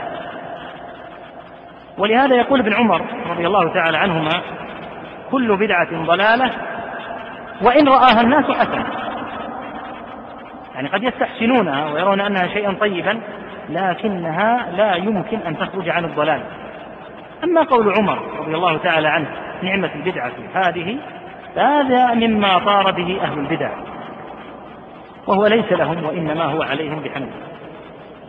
فإن عمر رضي الله تعالى عنه عنه حين قال هذه الكلمة قالها حين جمع الناس في صلاة التراويح على إمام واحد. فلما جمعهم رضي الله تعالى عنه على إمام واحد ورآهم ليلة وهم مجتمعون يصلون. قال هذه الكلمة نعمة البدع عمر رضي الله تعالى عنه من أعلم أصحاب النبي صلى الله عليه وسلم. ولا يخفى عليه أن النبي عليه الصلاة والسلام هو الذي صلى بالناس التراويح ثلاث ليال كما ثبت عنه عليه الصلاة والسلام. فقوله عليه رضوان الله نعمة البدعة, نعمة البدعة لا يعني بها أبدا. البدعة المخالفة للسنة بمعنى أن الإنسان يبتدع بدعة وضلالة ثم يمدحها فإن هذا ليس من شأنه رضي الله تعالى عنه ولا من شأن أصحاب النبي صلى الله عليه وعلى آله وصحبه. وإنما المقصود بها شيء نسبي. هذا الأمر كان زمن النبي صلى الله عليه وسلم ثم إنه انقطع. لأن النبي عليه الصلاة والسلام في الليلة الرابعة لما اجتمعوا لم يصل بهم خشية أن تفرض عليهم كما قال هو بنفسه صلى الله عليه وسلم. فعمر رضي الله عنه بعد أن مات النبي صلى الله عليه وسلم أيقن أنه لا يمكن أن تشرع بحيث تكون صلاة التراويح حتما لأن الوحي قد انقطع. فقوله هنا نعمة البدعة ليس المقصود بدعة الضلال وإنما باعتبار أنها انقطعت ثم أحييت. يعني انقطعت زمن النبي عليه الصلاة والسلام وكذلك لم تقم زمن أبي بكر رضي الله عنه كان معظم وقت أبي بكر رضي الله عنه في انشغاله بحروب الردة كما لا يخفاكم. ثم إن عمر رضي الله تعالى عنه جمعهم. ليس المقصود بدعة الضلال وإنما أصل صلاة التراويح. لا شك أنه مشروع عنه عليه الصلاة والسلام وأنه هو الذي صلى بالناس. نعم. وهذا يذكر المذهب الظاهري. هل هو من من الفرق المخالفة في العقيدة أم أنه مذهب فقهي؟ الظاهرية تسمعون كثيرا الظاهرية وابن حزم وداود بن علي الظاهري رحمهم الله وعفى عنهما. هذان بالغا في أمر في أمر الظاهر. وظنا أمورا من الظاهر وليست منه. لا شك أن الأصل في كلام الله ورسوله هو ظاهره. لكن قد يظن الإنسان أن هذا هو الظاهر يظن هكذا أن هذا هو الظاهر وليس هو الظاهر. ونضرب لك مثالا مما يقوله أهل الظاهر. يبين لك الأمر. قول الله عز وجل فلا تقل لهما في الوالدين فلا تقل لهما أف. يقول الآية نهت عن التأكيف فالتأفف حرام ولكنها لم تتعرض للضرب. لا شك أن هذا كلام باطل. لأن الآية حين نفت حين نهت عن أقل الضرر وهو التأفف فإن كل أحد يعلم أنها أنها تنهى عما هو أشد منه. فالذي يقول إن الآية لا تدل على هذا هو في ظنه وحين يقول إن الظاهر هو هذا نقول هذا الظاهر عندك لكنه ليس الظاهر الذي يعرفه أهل العلم من الصحابة والتابعين. ولا شك أن كلام الله وكلام رسوله صلى الله عليه وسلم ليس ألغازا إنما هو على ظاهر بلا ريب. لكن قد يأتي من يظن أن هذا هو الظاهر وليس هو الظاهر. نعم.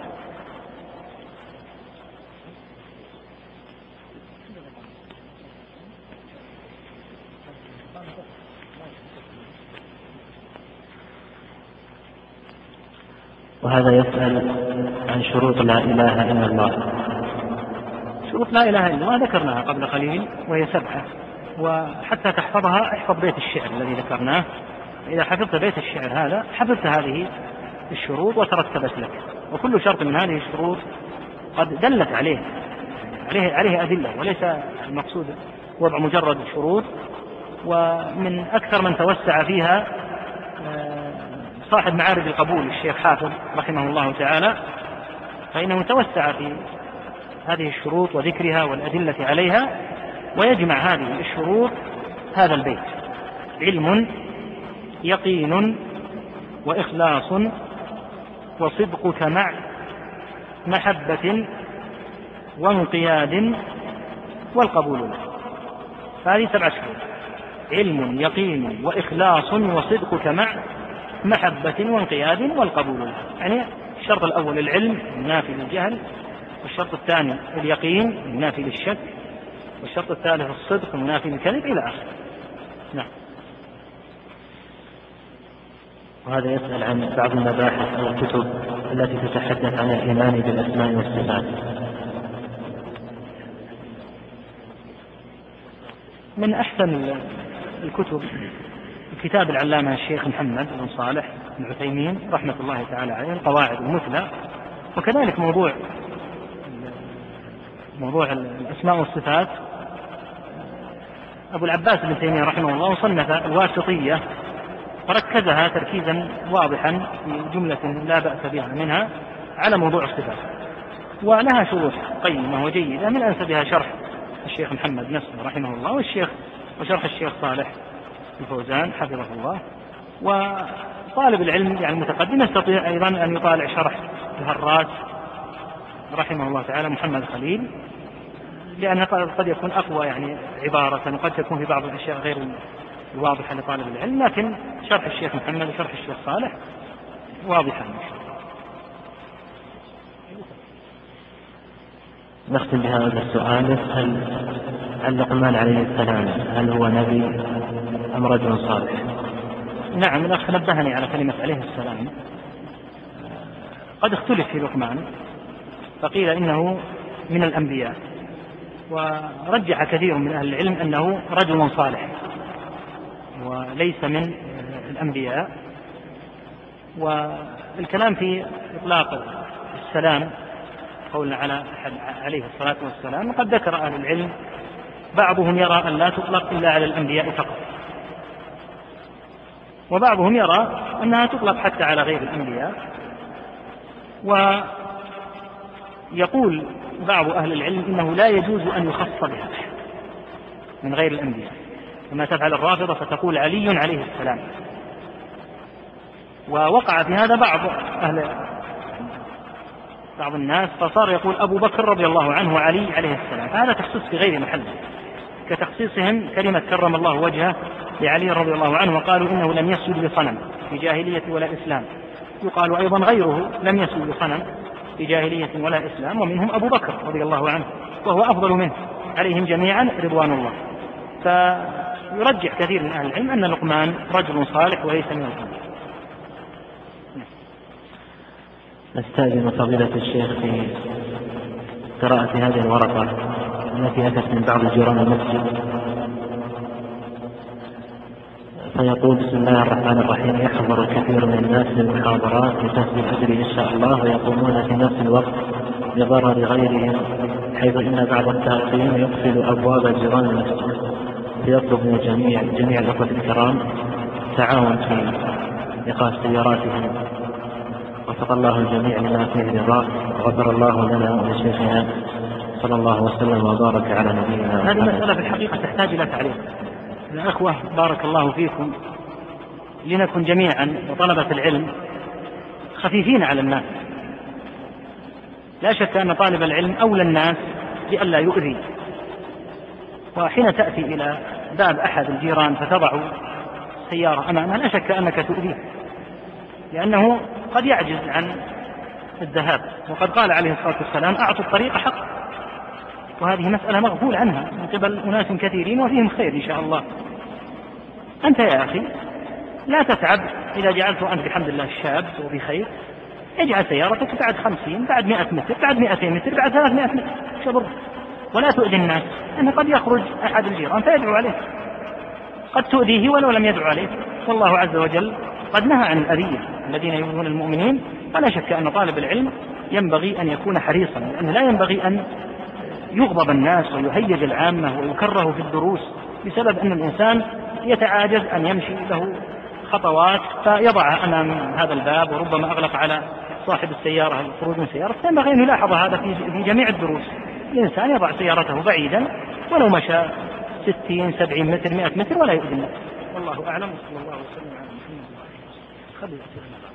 هذه الفتنة وبعد أن اتضح أن من يقول بهذه المقولة فإنه من الجهمية وهي مسألة اللفظ. ولنا يا إخوة عبرة قبل الكلام على هذه المسألة. لنا عبرة في حياتنا اليوم عندما نذكر مثل هذه المسألة. هذه العبرة هي أن طالب العلم يجب عليه أن يتبع ولا يبتدع. فإن هذه المسألة كان الناس في غنى عن ذكرها لولا أنه نبغت نابغة. تقول القرآن كلام الله غير مخلوق ولكن لفظنا بالقرآن مخلوق. هذه الكلمة موهمة. كلمة اللفظ هي مصدر للفعل الثلاثي لفظ. اللفظ يصلح أن يكون مرادا به الملفوظ المتكلم به. فماذا يكون معني في هذه الحالة؟ القرآن هو المتكلم به. ويصلح أن يكون اللفظ هو نطق القارئ. فالمسألة إذا موهمة. ولهذا شدد أحمد بن حنبل رحمه الله تعالى على من أحدثوا هذه لأن الكلمة محتملة. يمكن أن يقولها الجهمي ويريد بهذه الكلمة القرآن بعد أن خاف أهل السنة أن يصرح بمقولته الأولى. فيتطرق بهذه المقولة إلى القول بأن القرآن مخلوق ولو بعد حين. ولهذا شدد أحمد رحمه الله تعالى في هذه المسألة. لأنها كما قلنا مسألة تحتاج إلى تفصيل. هذا الذي يقول لفظي بالقرآن مخلوق هل مراده المتلفظ به؟ وهو القرآن؟ أو مراده لفظه ونطقه هو؟ يمكن أن يريد هذا ويمكن أن يريد هذا ولهذا رأى أحمد رحمه الله كما سيأتي رأى وجود عدم إطلاق هذه الكلمة لأنها محتملة. ولهذا قال من قال لفظي بالقرآن مخلوق فهو جهمي. ومن قال لفظي بالقرآن غير مخلوق فهو ما قال سني. قال فهو مبتدع. إذا ما الحل؟ الحل ألا تحدث المسألة. هذا مقصد أحمد رحمه الله تعالى. أن هذه المسألة لا يجوز أن تحدث. لأنها مسألة يمكن أن يراد بها معنى باطلا يطلقه الجهمي ويمكن أن يراد بها معنى حقا. فلما كانت موهمة أوجب أحمد الكف. وهذه فيها عظة وعبرة لأنها من الأمور التي سببت فرقة كبيرة بين عدد من أهل العلم. أن طالب العلم ينبغي أن لا ينقر ويحدث مسائل. فإن إحداث المسائل يسبب الفرقة دائما لأن الناس يتحزبون حول أحد قولين. ثم إنهم يتقاطعون ويتهاجرون ويبدع بعضهم بعضا بسبب هذه المقولة المحدثة التي ما كان ينبغي أن تحدث. وهذه من الأسباب التي قد توجد شيئا من الشحناء بين طلاب العلم. فلهذا يقال الحل ما هو؟ الحل أن لا تحدث مسائل وهل الممت بالعلم وأحطت بما في القرآن والسنة؟ وطبقت ما في كتاب الله وسنة رسوله صلى الله عليه وسلم حتى تلتفت لتحدث شيئا جديدا. هذه المسألة لما نشأت وكان فيها هذا الإيهام أطلق بعض أهل العلم العبارة ومرادهم ولا ريب مرادهم حق. لكن رأى آخرون وعلى رأسهم أحمد بن حنبل رحمه الله أن هذه المسألة لا يحل أن تحدث. لأنه يمكن أن يتطرق من خلالها إلى ما ذكرت قبل قليل. ولهذا يقول بعضهم أيش نعمل بأحمد؟ أيش هذه كلمة منحوتة من كلمة أي شيء؟ فهي عربية. إن قلنا اللفظ بالقرآن مخلوق لم يرضى وإن قلنا غير مخلوق لم يرضى. وهذا من قلة فقه هذا القائل. فإن أحمد رحمه الله لا يقول إن المسألة ليس فيها جواب وإنما يقصد أن المسألة لا يحل أن تحدث لأنه يتطرق من خلالها إلى مقولة الجهمية والمعتزلة فرأى الكف عن إطلاق العبارة وهذا هو مراده فهذه المسألة عرفت عند أهل العلم عند من يقولها عرف أهلها باللفظية الذين يقولون باللفظ وقد أحدثت ما أحدثت من الشقاق والتهاجر ونسأل الله أن يغفر لعلماء الأمة ويرحمهم ولكن العبرة كل العبرة لمن بعدهم في ألا يحدثوا مسائل. القرآن كلام الله منزل غير مخلوق منه عز وجل بدأ لأنه هو الذي قاله وإليه تعالى يعود لأنه يسرى عليه في آخر الزمان فلا يبقى منه شيء في الصدور ولا في المصحف أما ما سوى ذلك من إحداث هذه المقولات التي قد يريد بها الجهمي والمعتزلي مقولات آه، عقائد سيئة فالواجب على أهل العلم أن يتنبهوا لها وأن يتحرزوا من الإطلاق. نعم. قال رحمه الله وإنما ذكرت هذا الفصل بعينه من كتاب من كتاب في استحسان ذلك منه فإنه اتبع السلف من أصحاب الحديث فيما ذكره مع تبحره في علم الكلام وتصانيفه الكبيرة فيه وتقدم وتقدمه وتبرزه عند أهله. أخبرنا أبو عبد الله الحافظ. تكرر هذا الاسم هو الحاكم رحمه الله صاحب المستدرك. يروي عنه الصابوني أبو إذا أطلق أبو عبد الله الحافظ فالمراد به الحاكم رحمه الله صاحب المستدرك على الصحيحين. أخبرنا أبو عبد الله الحافظ قال قرأت بخط أبي عمرو المستملي. سمعت أبا عثمان سعيد بن إشكاب يقول سألت إسحاق بن إبراهيم عن اللفظ بالقرآن فقال لا ينبغي أن يناظر في هذا. القرآن كلام الله غير مخلوق. إسحاق بن إبراهيم وإسحاق بن راهوية رحمه الله تعالى من أئمة أهل السنة المشاهير وكان أحمد رحمه الله يجله ويحبه ويحترمه لما عرف عنه من لزوم السنة رحمة الله تعالى عليه وهو أحد أعلام أهل السنة الكبار. يقول رحمه الله حين سئل عن هذا الموضوع لا ينبغي أن يناظر. فيه يعني لا ينبغي أن تحدث مسألة وتطرق بحيث يصير فيها نوع من المناظرة والمجاذبة والمجادلة. ماذا تقول؟ هل الصواب كذا أو الصواب خلافه لا ينبغي أن يناظر في هذا ولا تحدث المسألة القرآن كلام الله عز وجل غير مخلوق هذا هو الذي لا شك فيه وأجمعت عليه أهل السنة. أما اللفظة الموهمة المحتملة التي يمكن أن يراد بها المعنى الباطل ويمكن أن يراد بها معنى حق فلا ينبغي أن تطرح. ولهذا قال لا ينبغي أن يناظر في هذا. يعني لا ينبغي أن يتحاور فيه وأن يكون موضع نقاش بين أهل الإسلام. نعم. قال رحمه الله وذكر محمد بن جرير الطبري رحمه الله في كتابه الاعتقاد الذي صنفه في هذه المسألة وقال أما القول في ألفاظ العباد بالقرآن فلا أثر فيه نعلمه عن صحابي ولا تابعي إلا عمن في قوله الغناء والشفاء وفي اتباعه الرشد والهدى ومن يقوم قوله مقام الأئمة الأولى أبي عبد الله أحمد بن حنبل رحمه الله تعالى. فإن أبا إسماعيل الترمذي حدثني قال سمعت أبا عبد الله أحمد بن حنبل رحمه الله تعالى يقول اللفظية جهمية. قال الله عز وجل فأجره حتى يسمع كلام الله ممن يسمع. قال ثم سمعت جماعة من أصحابنا لا أحفظ أسماءهم يذكرون عنه رضي الله عنه أنه كان يقول من قال لفظي بالقرآن مخلوق فهو جهمي ومن قال غير مخلوق فهو مبتدع. قال محمد بن جرير. ولا قول في ذلك عندنا يجوز أن نقوله غير قوله إن لم يكن لنا فيه إمام نأتم به سواه فيه الكفاية والمقنع وهو الإمام المتبع رحمة الله عليه ورضوانه. هذه ألفاظ محمد بن جرير التي نقلتها نفسها إلى ما ها هنا من كتاب الاعتقاد الذي صنفه.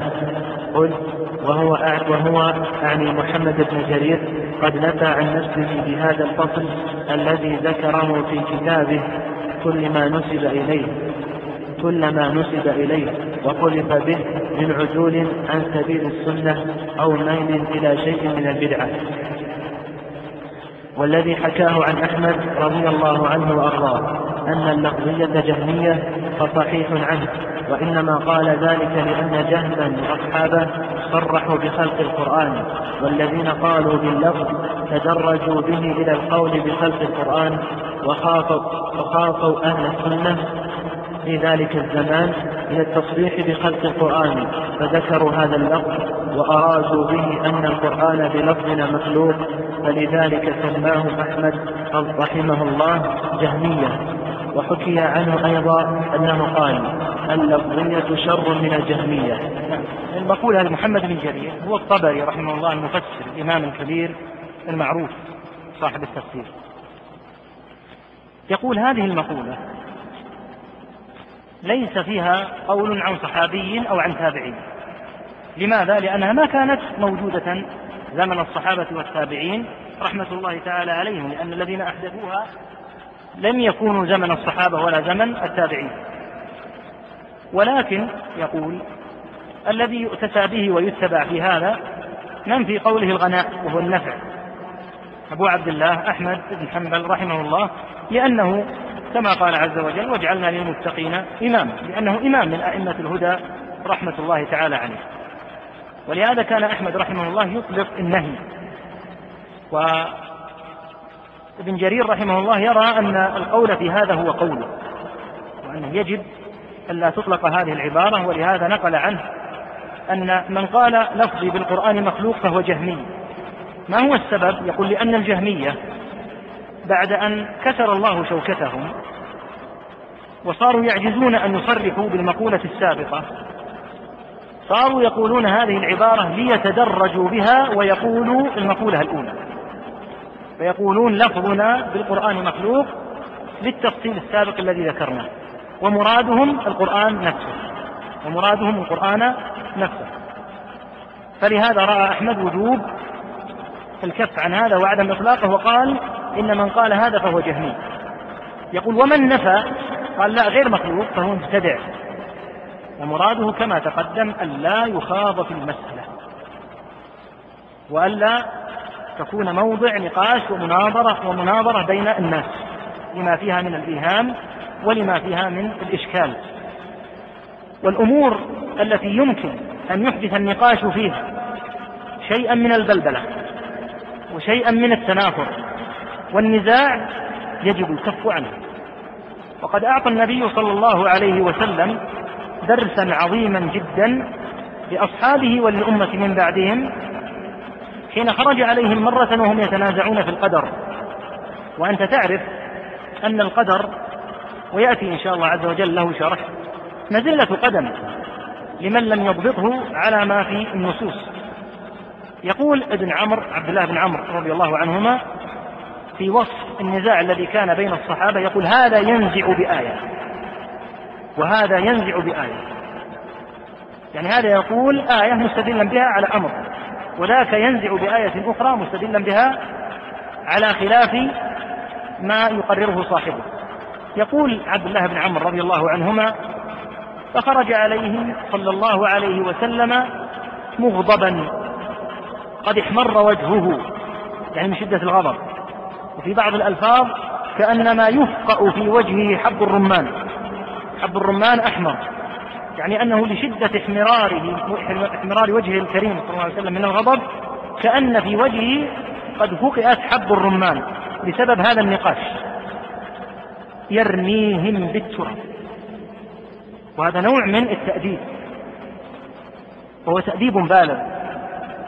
لأن أصحاب النبي صلى الله عليه وسلم هم أفضل الأمة. وإذا فعل بهم صلى الله عليه وسلم مثل هذا فهو درس لهم ولمن بعدهم في هذه النقاشات العقيمة التي تقع بين الناس. ولما فعل صلى الله عليه وسلم هذه الأمور من رميهم بالتراب وخروجه عليهم غضبان قال مهلا يا قوم. بهذا أهلكت الأمم من قبلكم باختلافهم على أنبيائهم وضربهم الكتب بعضها لبعض إن القرآن لم ينزل يكذب بعضه بعضا بل يصدق بعضه بعضا. ما نزل القرآن حتى تأخذ منه آية فتستدل بها على أمر ويخالفك آخر يأخذ آية أخرى ويبطل ما استدللت به. لأن معنى ذلك كأنكما تشعران من يسمع بأن في الآيتين تناقضا ولهذا قال إن القرآن لم ينزل يكذب بعضه بعضا بل يصدق بعضه بعضا. فما عرفتم ثم وضع صلى الله عليه وسلم هذه القاعدة العظيمة التي لو درجت عليها الأمة لسلمت في أمور دينها ودنياها. قال في ختام الحديث فما عرفتم منه يعني من هذا القرآن فما عرفتم منه فاعملوا به. وما جهلتم؟ فردوه إلى عالمه. سبحانه. وتعالى الشيء الذي تعلمه الحمد لله اعمل به. والشيء الذي تجهله لا تجمع إلى الجهل النقاش السيء. اتركه للذي يعلمه سبحانه. وتعالى لأن ثمة أمورا لن تعلمها ولن يعلمها أحد. بل النبي صلى الله عليه وسلم حين سأله جبريل عن الساعة قال ما المسؤول عنها؟ بأعلم من السائل جبريل أفضل الملائكة والنبي صلى الله عليه وسلم أفضل الأنبياء. فالسائل والمسؤول لا يعلمان عنه. فإذا كان الأمر كذلك فالذي نعرفه نعمل به والذي نجهله اتركه لله تعالى لأن ثمة أمورا لن تعرف. ابتلى الله عز وجل العبادة بأمرها. فلهذا يقال هذه المسألة ونظيراتها إلى يوم القيامة التي يحدثها الناس يجب أن يتقى الله عز وجل فيها لأن إحداثها أولا بدعة لا يحل والأمر الثاني أن إحداثها يترتب عليه فرقة دائما يفترق الناس بسببها إذ الناس يكونون على قولين أو على ثلاثة أقوال أو أكثر وكل أحد ينتصر لقوله ويرد كل شخص على الآخر وربما بدعه وهجره وربما وصل إلى ما هو أشد من ذلك من التكفير والتضليل ونحو ذلك. فلهذا لا تبتدع مثل هذه المسألة. ولهذا ابن جرير رحمه الله ينص هنا على مقولة أحمد. ومرادهم رحمهم الله سد ذريعة هذه النقاشات العقيمة. في أمور لا يعلمها إما من الأمور التي فيها شيء من الإيهام والإجمال والاحتمال وإما في أمور لا يعلمها إلا الله سبحانه وتعالى. قال رحمه الله وأما ما حكاه محمد بن جرير عن أحمد رحمه الله تعالى أن من قال لفظي بالقرآن غير مخلوق فهو مبتدع فإنما أراد أن السلف من أهل السنة لم يتكلموا في باب اللفظ ولم يخرجهم الحال إليه وإنما حدث الكلام في اللفظ من أهل التعمق وذوي الحمق الذين أتوا بالمحدثات وعتوا عما نهوا عنه من الضلالات وعتوا عما نهوا عنه من الضلالات وذميم المقالات وخاضوا فيما لم يخض فيه السلف من علماء الإسلام وخاضوا فيما لم يخض فيه السلف من علماء الإسلام فقال الإمام هذا القول في نفسه بدعة. لو تضع نقطتين بعد كلمة الإمام. فقال الإمام نقطتين من الشرح لكلامه. هذا القول في نفسه بدعة. ولم يعني حتى يتضح الكلام. ليس فقال الإمام هذا القول. فقال الإمام كان يشرح. فقال الإمام ثم تضع النقطتين. هذا القول في نفسه بدعة حتى يتضح المعنى. نعم. ومن حق المتسنن أن يدعه ولا يتفوه به ولا بمثله من البدع المبتدعة ويقتصر على ما قاله السلف من الأئمة المتبعة أن القرآن كلام الله غير مخلوق ولا يزيد عليه إلا تسخير من يقول بخلقه. أخبرنا الحاكم أبو عبد الله الحافظ قال حدثنا أبو بكر محمد بن عبد الله الجر الجراحي بمرو حدثنا يحيى بن ساسويه. حدثنا عبد الكريم السكري قال قال وهب ابن زمعة أخبرني عن الباشان قال وهب ابن زمعة. فقط كلمة قال حدثنا عبد الكريم السكري قال قال وهب قال وهب بن زمعة أخبرني عن الباشاني قال سمعت عبد الله بن المبارك يقول من كفر بحرف من القرآن فقد كفر بالقرآن. ومن قال لا أؤمن بهذه اللام فقد كفر. ويعتقد أصحاب الحديث. هذه نهاية الكلام. على صفة الكلام. يعني بعدها سيبدأ في موضوع الاستواء صفة الاستواء. ونلخصها في الآتي أولا اعتقاد أهل السنة. أن القرآن كلام الله عز وجل. لأن من ينازع هناك من ينازع في أن القرآن الذي نقرأه ليس كلام الله بلفظه ومعنى. في مقولات خبيثة لا أرى أن يعني تطرق الآن لما قد تحدثه من الإشكال. أولا القرآن كلام الله. ردا على من يزعم أن هذا القرآن ليس كلام. منزل لأن الله عز وجل أنزله وقد نص الله عز وجل على هذين الأمرين في أكثر من موضع. ومنه قوله تعالى وإن أحد من المشركين استجارك فأجره حتى يسمع كلامه. وهذا القرآن. وقوله عليه الصلاة والسلام حين كان يعرض نفسه على القبائل أنا رجل يحملني إلى قوم فإن قريشا منعوني أن أبلغ كلام ربي أو كما قال عليه الصلاة والسلام. فهذا القرآن هو كلام الله. منزل أي أنزله الله عز وجل. كما قال تبارك وتعالى نزل به الروح الأمين. وكما قال تبارك وتعالى الحمد لله الذي أنزل على عبده الكتاب. وصدرت أكثر من سورة في قوله تعالى تنزيل الكتاب. غير مخلوق. غير مخلوق هذه احتيج إليها حين نبغ النابغة من الجهمية والمعتزلة فقالوا إن القرآن أن القرآن كلام الله مخلوق والعياذ بالله. لأنهم يقولون هذا في سائر الصفات.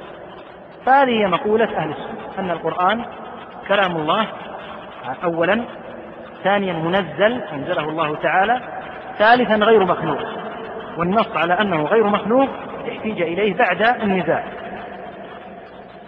ولهذا كما يعني كما تقدم تجد أهل العلم ينصون على هذه المسألة. أن قد يأتيك من يقول إنه كلام الله وينازع في أنه غير مخلوق. تأتي مسألة القول باللفظ. وهي أن أهل الاعتزال والتجهم بعد أن غلبوا بحمد الله لجأوا إلى طريقة وهي أن يقولوا إن القرآن بألفاظنا أو إن ألفاظنا بالقرآن مخلوق.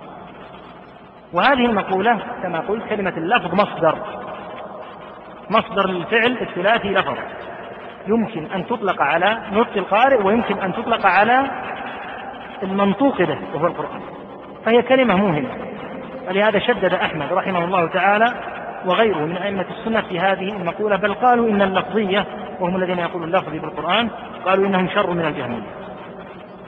وكأن مرادهم أن الجهمية واضحون بينون جليون. أما اللفظية فإنهم يقولون هذه المقولة المحتملة حتى يتوصلوا من خلالها إلى مقولة الجهمية في نهاية المطاف. فهم يلفون العبارة بما يوهم ويريدون الوصول إلى مقولة الجهمية والمعتزلة في نهاية المطاف. فهذا مجمل ما يقال في هذه المسألة العظيمة وهذه المسألة وإن كان أهل السنة قد امتحنوا بها امتحانا عظيما واشتد عليهم الخطب إلا أنها بحمد الله كانت من الأسباب الكبرى في ظهور مذهبه وانتصاره واندحار الجهمية والمعتزلة. ولهذا فإن كتب كتب المعتزلة وهذه من آيات الله البالغة الباهرة. كتب المعتزلة في هذا الزمن وقبله بقرون قليلة جدا نادرة محدودة. بينما كتب أهل العلم من أهل السنة تجد أنها محفوظة من قرون كثيرة للغاية. ومعتقدهم رحمهم الله تعالى معتقد راسخ ثابت ينقله المتقدم المتأخر منهم عن المتقدم ويبلغه لمن وراءه. وقد تكفل الله عز وجل بأن يحفظ دينه. فقال تعالى إنا نحن نزلنا الذكر وإنا له لحافظون. ومن حفظ القرآن أن تحفظ السنة وأن يحفظ ما يبينه ويفسره من كلام النبي صلى الله عليه وسلم وأصحابه وكلام أهل العلم من أهل السنة والجماعة رحمة الله تعالى عليهم. هذا مجمل ما يقال في هذه المسألة وقلنا إن السبب في النص عليها وإفرادها بعد الكلام في موضوع الصفات هو كثرة اللغط الذي حصل بشأنها. ثم سينص على مسألة الاستواء أيضا وهي من المسائل التي كثر النزاع فيها. نعم. قال رحمه الله ويعتقد أصحاب الحديث يشهدون أن الله سبحانه وتعالى فوق سبع سماواته على عرشه مستو كما نطق به كتابه في قوله عز وجل في سورة الأعراف إن ربكم الله الذي خلق السماوات والأرض في ستة أيام ثم استوى على العرش. وقوله في سورة يونس إن ربكم الله الذي خلق السماوات والأرض في ستة أيام ثم استوى على العرش يدبر الأمر ما من شفيع إلا من بعد إذنه. وقوله في سورة الرعد الله الذي رفع السماوات بغير عمد ترونها ثم استوى على العرش. وقوله في سورة الفرقان ثم استوى على العرش الرحمن فاسأل به خبيرا وقوله في سورة السجدة ثم استوى على العرش وقوله في سورة طه الرحمن على العرش استوى. ذكر الله عز وجل استواءه على العرش في سبعة مواضع من القرآن. والعرش كما ثبت في الحديث الصحيح هو سقف المخلوقات أعلى شيء هو العرش. لقوله عليه الصلاة والسلام إذا سألتم الله فسلوه الفردوس فإنه أعلى الجنة ومنه تفجر أنهار الجنة وفوقه عرش الرحمن. فأعلى الجنة هو الفردوس. نسأل الله لنا ولكم ولوالدينا أن ينيلنا هذا المقام الكريم. وأمر صلى الله عليه وسلم المؤمن إذا سأل أن يكون عالي الهمة يسأل الله الفردوس هو أعلى الجنة. أعلى الجنة يقول صلى الله عليه وسلم فإنه أعلى الجنة وفوقه عرش الرحمن. فدل على أن عرش الله عز وجل هو أعلى المخلوقات وهذا العرش لا يقدر قدره إلا الله الذي خلقه. هذا العرش جاء في بعض الأحاديث أن السماوات السبع والأراضين السبع عند الكرسي كحلقة ألقيت في فلك برية ألقيت في حلقة من الحلقات الصغيرة. فالسماوات هذه العظام السبع والأراضون السبع عند الكرسي نسبتها مثل نسبة الحلقة إلى البرية. والكرسي بالنسبة إلى العرش كحلقة ألقيت فيه وهذا يدل على عظم خلق العرش وهو أعظم المخلوقات. قال الله عز وجل في أكثر من آية الرحمن على العرش استوى. فقال استوى على العرش سبحانه وتعالى في سبع مواضع من القرآن. هذا الاستواء العظيم ذكره النبي صلى الله عليه وسلم في أكثر من حديث. فهو مما دل عليه القرآن والسنة وأجمع عليه السلف الصالح رحمة الله تعالى عليه. ولا يعرف له منكر من الصحابة والتابعين رضي الله تعالى عنهم. حتى نشأت النابتة الخبيثة نابتة الجهمية. وأولهم الجعد بن درهم وسيأتي ذكر له في الكتاب وهو شيخ الجهم بن صفوان. والجعد هذا كان من أهل حران. وحران بلدة كان يكثر بها الفلاسفة. وكان من مذاهبهم المبالغة في النفي. فتأثر هذا الرجل بمحيطه وبلده الفاسد. ثم إن الجعد بن درهم كما سيأتي ذكره لم يطل أمره لأنه قتل. إذ مقولته من أفظع المقولات في نفي الصفات ومنها نفي صفة الاستواء على العرش. وتلقفها عنه عدو الله الجهم بن صفوان. والجهم بن صفوان هذا هو تلميذ الجعد. ومع ذلك لا تنسب الفرقة إلى الجعد فيقال الجعدية وإنما يقال الجهمية. والسبب أن التلميذ تفوق على شيخه في الضلال والفساد. لأن الجهم بن صفوان كما روى اللالكائي رحمه الله تعالى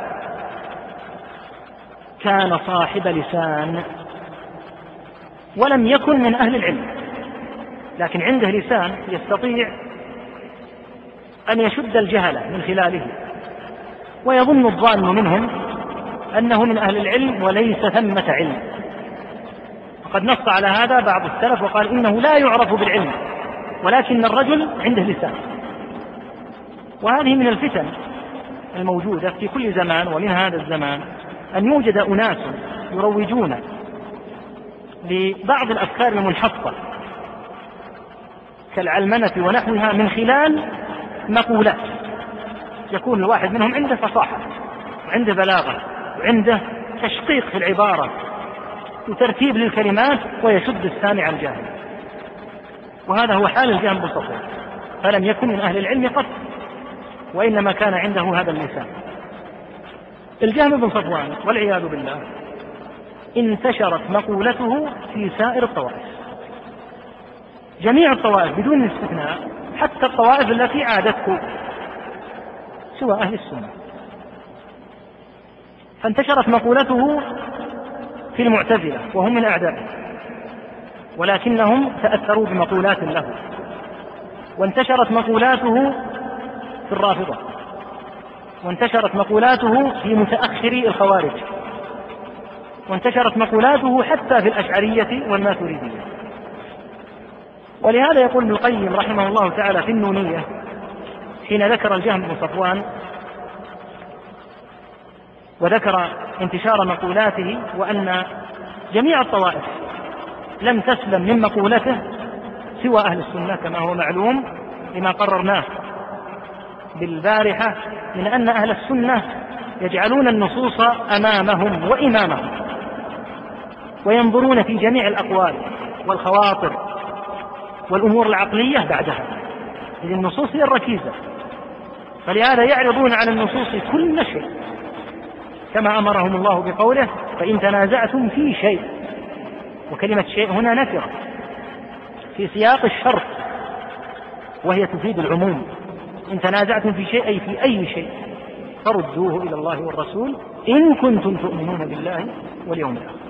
وقال تعالى وما اختلفتم فيه من شيء. لاحظ إن الله يذكرها بصيغة النكرة حتى تكون عامة. لأن النكرة إذا جيء بها في صيغة الشرط أو في صيغة النفي فإنها تعم. وما اختلفتم فيه من شيء فحكمه إلى الله فإن تنازعتم في شيء فردوه إلى الله والرسول إن كنتم تؤمنون بالله واليوم الآخر.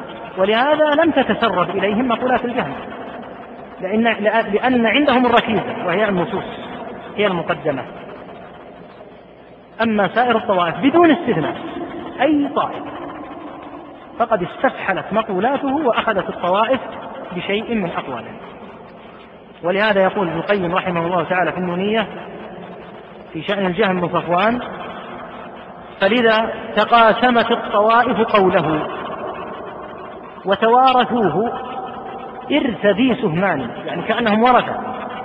الجهم أبوهم صار كل شخص يأخذ منه نصيبه من الإرث. لم ينجو من أقواله طرا سوى أهل الحديث وعسكر القرآن وهم أهل السنة. أما من سواهم فقد تلوثوا بشيء من أقواله وكان يجمع الشر كله كان جبريا وكان ينكر عذاب القبر وكان ينكر الصفات وينكر الأسماء لله عز وجل وعنده شيء كثير من الطوامن فكل فرقة أخذت بقول أو بأقوال منه والعياذ بالله وانتشرت ولا يعرف أحد. في الأمة كان ينكر استواء الله على عرشه قبل الجعد بن درهم. لأن كما قلنا الجعد بن درهم وهو شيخ الجهم كان من بلد حران وتأثر بالصابئة فيها والفلاسفة. فقال بهذه المقولات في نفي الصفات ومنها الاستواء على العرش. أما الصحابة والتابعون رضي الله تعالى عنهم فإجماعهم منعقد على إثبات ما أثبت الله لنفسه ونفي ما نفى. نعم. قال رحمه الله وأخبر الله سبحانه عن فرعون اللعين أنه قال لهامان ابن لي صرحا لعلي أبلغ الأسباب. أسباب السماوات فأطلع إلى إله موسى وإني لأظنه كاذبا. وإنما قال ذلك لأنه سمع موسى عليه السلام يذكر أن ربه في السماء. ألا ترى إلى قوله وإني لأظنه كاذبا. يعني في قوله إن في السماء إلها. وعلماء الأمة وأعيان الأئمة من السلف رحمهم الله تعالى لم يختلفوا في أن الله تعالى على عرشه وعرشه فوق سماواته. يثبتون من ذلك ما أثبته الله تعالى ويؤمنون به يصدقون الرب جل جلاله في خبره ويطلقون ما أطلقه سبحانه وتعالى من استوائه على عرشه ويمرونه على ظاهره ويكلون علمه إلى الله تعالى ويقولون آمنا به كل من عند ربنا وما يذكر إلا أولو الألباب. كما أخبر الله تعالى عن الراسخين في العلم أنهم يقولون ذلك رضي منهم فأثنى عليهم به. أخبرنا أبو الحسن عبد الرحمن بن إبراهيم بن محمد بن يحيى ابن يحيى المزكي المزكي حدثنا محمد بن داود بن سليمان الزاهد أخبرني علي بن محمد بن بن عبيد أبو الحسن الحافظ من أصله العتيق قال حدثنا أبو يحيى بن كيسبة الوراق قال حدثنا محمد بن الأشرف الوراق أبو, أبو كنانة قال حدثنا أبو المغيرة الحنفي قال حدثنا قرة بن خالد عن الحسن عن أبيه عن أم سلمة في قوله تعالى الرحمن على العرش استوى قالت الاستواء غير مجهول والكيف غير معقول والإقرار به إيمان والجحود به كفر. وحدثنا أبو الحسن ابن أبي إسحاق المزكي ابن المزكي قال حدثنا أحمد بن الخضر أبو الحسن الشافعي قال حدثنا شاذان قال حدثنا ابن مخلد ابن يزيد القهستاني قال حدثنا جعفر بن ميمون قال سئل مالك بن أنس عن قوله الرحمن على العرش استوى كيف استوى؟ قال الاستواء غير مجهول والكيف غير معقول والإيمان به واجب والسؤال عنه بدعة وما أراك إلا ضالا وأمر به أن يخرج من مجلسه. أخبرنا أبو محمد أخبرنا أبو محمد المخلدي العدل. قال حدثنا أبو بكر عبد الله بن محمد الإسرائيلي قال حدثنا أبو الحسين علي بن الحسن قال حدثنا سلمة بن شبيب قال حدثنا مهدي بن جعفر بن ميمون الرمي عن جعفر بن عبد الله قال جاء رجل إلى مالك بن أنس يعني فسأله عن قوله الرحمن على العرش استوى كيف استوى؟ قال فما رأيته وجد من شيء كوجهه من مقالته وعلاه الرحقاء وأطرق القوم فجاء وعلاه الرحماء وأطرق القوم فجعلوا ينظرون فجعلوا ينظرون الأمر به فيه. ثم سري عن مالك فقال الكيف غير معقول والاستواء غير مجهول والإيمان به واجب والسؤال عنه بدعة وإني لأخاف أن تكون ضالا. ثم أمر به فأخرج. ثم أمر به فأخرج. وأخبرني جدي أبو حامد أحمد بن, ابن إسماعيل عن جد والد الشهيد وهو أبو عبد الله محمد بن عدي بن حمدوين الصابوني. قال حدثنا محمد بن أحمد بن أبي عون النسوي. قال حدثنا سلمة بن شبيب. قال حدثنا مهدي بن جعفر الرملي. قال حدثنا جعفر بن عبد الله. قال جاء رجل إلى مالك بن أنس فقال يا أبا عبد الله الرحمن على العرش استوى كيف استوى؟ قال فما رأينا مالكا وجد من شيء كوجهه من مقالته وذكر بنحوه. وسئل أبو, وسئل أبو علي الحسين بن الفضل البجلي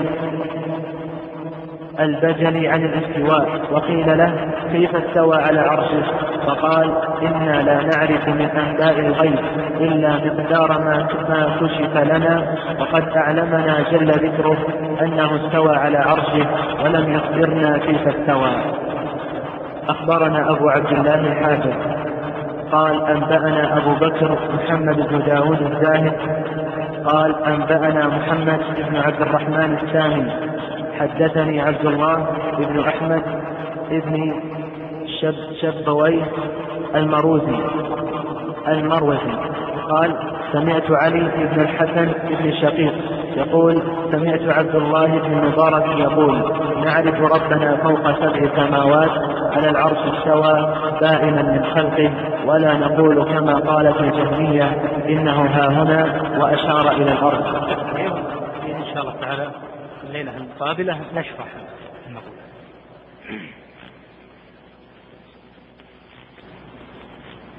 يقول الله عز وجل إنه لقول فصل وما هو بالهزل. وأمور الدين كلها سواء ما يتعلق بالاعتقاد أو ما يتعلق بالعمل ليست محلا للمزاح. ومن جعلها موضع مزاح فقد فعل فعلا عظيما جدا وهو على خطر في دينه. وإن من أعجب العجب أن يضيق ببعض الناس المسلك حتى لا يجد موضعا لطرفته إلا في دينه. كون الإنسان تنتاب حياته السخرية والهزل هذا يدل على أنه غير جاد كون هذه الأمور المزاح المباح الشرعي الذي لا إشكال فيه من جهة الشرع هذا لا أحد يمنعه. قد كان صلى الله عليه وسلم يمزح. ولكن بأي شيء كان يمزح كان يمزح ولا يقول إلا حقا وهل كان المزاح غالبا عليه؟ في حال بعض الناس لا. لم يكن المزاح هو الغالب عليه. بل كان الغالب عليه صلى الله عليه وسلم هو الجد وهو الذي أمرنا به. أن يكون الإنسان جادا. فإن من أمامه قبر وحشر وصراط وجنة ونار وفتنة واحتمال أن يزيغ ما يكون إنسانا هازلا بل يكون حريصا على أن يكون من الله بمنزلة يثبته تعالى. فأما إذا كان المزاح والعياذ بالله في أمور الدين بمعنى أن يمزح بالدين نفسه قد نص أهل العلم على أن هذا ضرب من ضروب الردة المخرجة من الملة سواء في الاعتقاد أو غير الاعتقاد.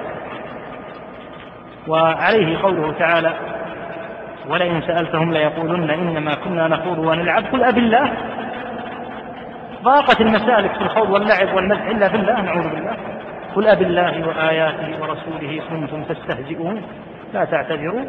قد كفرتم بعد إيمانكم وهذه من أشد الأمور خطورة وخاصة على الشرع فإن كثيرا من الناس قد أولع بما يسمونه بالنكت ومرادهم الطرائف وطرفة اللغة معناها الطرفة وليس معناها ما يعني تطلق عليه النكت وهذا الأمر يجب أن يكون الإنسان فيه غاية الحذر لأنه قد يطلق كلمة كما قال صلى الله عليه وسلم والعياذ بالله إن الرجل ليتكلم بالكلمة ما يتبين فيها ما يفكر. من قصده أن يضحك الناس ويقول فلان خفيف ظل هذا فلان ما شاء الله مجلسه ثم وإذا قالوا ماذا تستفيد؟ يهوي بها في النار سبعين خلف وش تستفيد نسأل الله العفو والعافية. الإنسان ينبغي أن يكون جادا. ويترك عنه مثل هذه الأمور. المزاح بضوابطه الشرعية لا يستطيع أحد أن يمنعه ولكن أن يكون الدين والعياذ بالله موضع مزاح نعوذ بالله من ذلك. وتعرف أن الشيخ محمد رحمه الله بوب على هذا في كتاب التوحيد أن من هزل بشيء فيه اسم الله عز وجل أو القرآن شيء من الدين فقد كفر. نعم. يقول السائل لماذا يكون مبتدعا من قال لفظه بالقرآن غير مخلوق؟ ومثله سائل يقول ما هو الإيهام والإشكال التي في قوله اللفظ بالقرآن مخلوق؟ وهل ألفاظنا مخلوقة أم صفة؟ فقد عرفنا أن كلام الله صفة غير مخلوق. نرجو التوضيح. تبين تقدم يعني توضيح المسألة. وأن الذي يقول أن لفظه غير مخلوق قد أحدث مسألة. وكلمة اللفظ قلت إنها مصدر يطلق ويراد به معنيان يعني. المعنى الأول المتلفظ به. وهذا ما يريده الجهمي حين يقول هذه المقولة. يعني يريد أن القرآن مخلوق لكن بطريقة غير مباشرة. ويمكن أن يراد باللفظ النطق نفسه. نطق نطق القارئ. والنطق لا يقول أحد من أهل العلم إنه من صفات الله. هذا من العبد نفسه. صوت العبد وكتابة العبد وورق العبد. ما في أحد من أهل العلم يقول إنه صفة من صفات الله.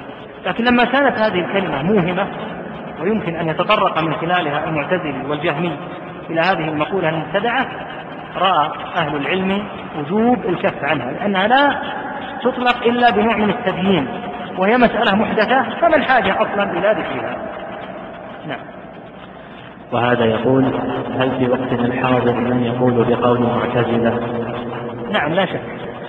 المعتزلة ماتوا من حيث هم فرقة في الجملة في العموم ولكن اعتقاد المعتزلة موجود عند الرافضة عند الخوارج المتأخرين عند الزيدية عند عدد من الطوائف. أيضا تأثرت بهم الأشعرية والماتريدية في تأثر ولا شك تارة يكون تأثرا بتبني المذهب كاملا وتارة ببعض مقولات المذهب. والمعتزلة الجدد وهم العقلانيون يسمون بالعقلانيين أشد فظاعة من المعتزلة القدامى. نعم. يقول فضيلة الشيخ السلام عليكم ورحمة الله وبركاته. نشهد الله على فضلنا لكم ما تقول في من قال مكرها؟ أن القرآن مخلوق. هل نحكم هل نحكم باعتزاله؟ موضوع الإكراه معلوم أن الله نص سبحانه وتعالى. على أن من أكره على الكفر الصريح فإنه إذا كان قلبه مطمئنا بالإيمان إلا من أكره وقلبه مطمئنا إلا من أكره وقلبه مطمئن بالإيمان. فإذا كان هناك إكراه حقيقي مو خوف توقع أو تخمين وإنما إكراه إلجاء بإضرار حقيقي. فهذا إذا ثبت أنه وجد حقا وأنه غير متوهم ولا متخيل فإن الإنسان إذا قال ما قال تحت هذا الإلجاء وهذا الإكراه الحقيقي فإنه لا يضره. النص نص الآية الصريح. ولهذا الشيخ محمد رحمه الله لما ذكر نواقض الإسلام نواقض الإسلام وذكر أنها كثيرة ونص على عشر منها قال يستوي في هذا الهازل والجاد والخائف. الصوف بعض الأحيان ما يكون إلى حد الإكراه ولا يستثنى منها إلا المكره. مكره استثناه الله عز وجل. نعم. لكن إكراه حقيقي مو متوهم. وهذا يقول ذكرت بالأمس أن هناك دليلين على عبادة الله بحق فما هي الآيتان؟ جزاه الله خير الأخ سؤاله في محل. يعني نسيت ذكر الآيتين. قلنا إن قوله تعالى قلنا إن كلمة لا إله إلا الله هذه الكلمة معناها لا معبود بحق إلا الله. كلمة إله معناها المعبود. وكلمة إله هذه هي اسم لا لا هي النافية للجنس الخبر قدره أهل العلم بكلمة معبود لأمرين. الأمر الأول لأن هناك معبودات بالباطل فلا بد من النص على أن المعبود بحق هو الله. والأمر الثاني الأدلة الدالة على هذا. ومنها دليلان ذكر في سورة الحج وسورة لقمان. أما الدليل الأول فهو قوله تعالى ذلك بأن الله هو الحق وأن ما يدعون من دونه هو الباطل. هذا في سورة الحج. وفي سورة لقمان ذلك بأن الله هو الحق وأن ما يدعون من دونه الباطل. فقوله تعالى ذلك بأن الله هو الحق. هو الدليل على التقدير. لماذا؟ لأن قوله تعالى وأن ما يدعون ما معنى الدعاء هنا؟ الدعاء هنا وفي كثير من آيات القرآن يراد به العبادة وأن ما يعبدون من دونه الباطل. ولهذا فإن هذا القيد قلنا ضروري للغاية لأنه يجعل العبادة الحقة لله وحده ويجعل عبادة ما سواه بالباطل كما نص في الآية. ذلك بأن الله هو الحق وأن ما يدعون أي أن ما يعبدون من دونه الباطل. نختم بهذا السائل يقول هل من قال كيف استوى الرحمن هل هو جهمي أو معتزلي هل من قال كيف استوى الرحمن؟ هل نحكم باعتزاله؟ أم نقول عنه أنه جهمي الذي سأل مالكا رحمه الله تعالى قال مالك رحمه الله حين سأله هذا السؤال وعلاه الرحضاء كما سيأتي شرطه إن شاء الله تعالى. يعني العرق من شدة أن يسأل عن رب العالمين بهذا الأسلوب القبيح. قد يكون القائل جاهلا فيعرف بأنه لا يجوز السؤال عن الكيفية لأن الكيفية أمر لا مطمع لأحد بعلمه والدليل على هذا قوله تعالى يعلم ما بين أيديهم وما خلفهم ولا يحيطون به علما. عدم الإحاطة بالله علما دليل على استحالة معرفة الكيفية. وتارة يكون القائل ليس جاهلا بل خبيثا كما قال مالك هنا نفسه قال ولا أراك إلا رجل سوء. أو وإني لأراك ضالا. ثم أمر به على سبيل التعزير والتأديب فأخرج من المسجد. على سبيل التأديب له. والجهمية والمعتزلة يريدون هذا السؤال على أهل السنة على سبيل التشغيب حتى يوجدوا شيئا من البلبلة. ولا شك أنه لا يجوز السؤال بمثل هذا الأسلوب. لا يحل مطلقا. أن يسأل عن الله عز وجل بكيف. لأن الله سبحانه وتعالى لا يمكن أن يحاط به. قال تعالى يعلم ما بين أيديهم وما خلفهم ولا يحيطون به علما. فلا يحيط بالله عز وجل علما. ولهذا يقول ابن الماجشون رحمه الله فيما نقله وهو موجود في الفتوى الحموية يقول إن من العجب أن يسأل العبد عن كنه ربه سبحانه وتعالى وهو لا يعرف كنه روحه التي بين جنبه بل لا يعرف كنه أصغر مخلوقات الله فمن عجز عن معرفة هذا كيف يسأل وأن لا يجترئ على ربه فيسأل عن كيفية صفاته سبحانه وتعالى عما يقول الظالمون علوا كبيرا والله أعلم وصلى الله وسلم على محمد. وبارك على عبده ورسوله نبينا محمد وعلى آله وصحبه أجمعين. أما بعد كان الكلام في آخر الدرس الماضي للمصنف رحمة الله تعالى عليه عن صفة الاستواء. وقبل الكلام في صفة الاستواء يحسن الكلام عن صفة العلو لله عز وجل. وهذه الصفة العظيمة من الصفات التي دل عليها كما يقول أهل العلم دل عليها النص والإجماع والعقل والفطرة. أما النص فكما سيأتي إن شاء الله تعالى في أنواع الأدلة وأما الإجماع فإن أصحاب رسول الله صلى الله عليه وسلم والتابعون لهم بإحسان والتابعين لهم بإحسان قد أجمعوا جميعا على هذه الصفة إثباتا إثبات على إثبات هذه الصفة لله رب العالمين. وأما دلالة الفطرة فإن كل أحد حين يحتاج إلى ربه عز وجل والحاجة إليه دائمة فإنه يتوجه إلى العلو لما فطر الله عز وجل عليه العباد من أن ربهم سبحانه وتعالى في العلو. ولهذا فإن العبد إذا أراد أن يدعو الله تعالى فإنه يجد في قلبه ضرورة بالاتجاه إلى العلو.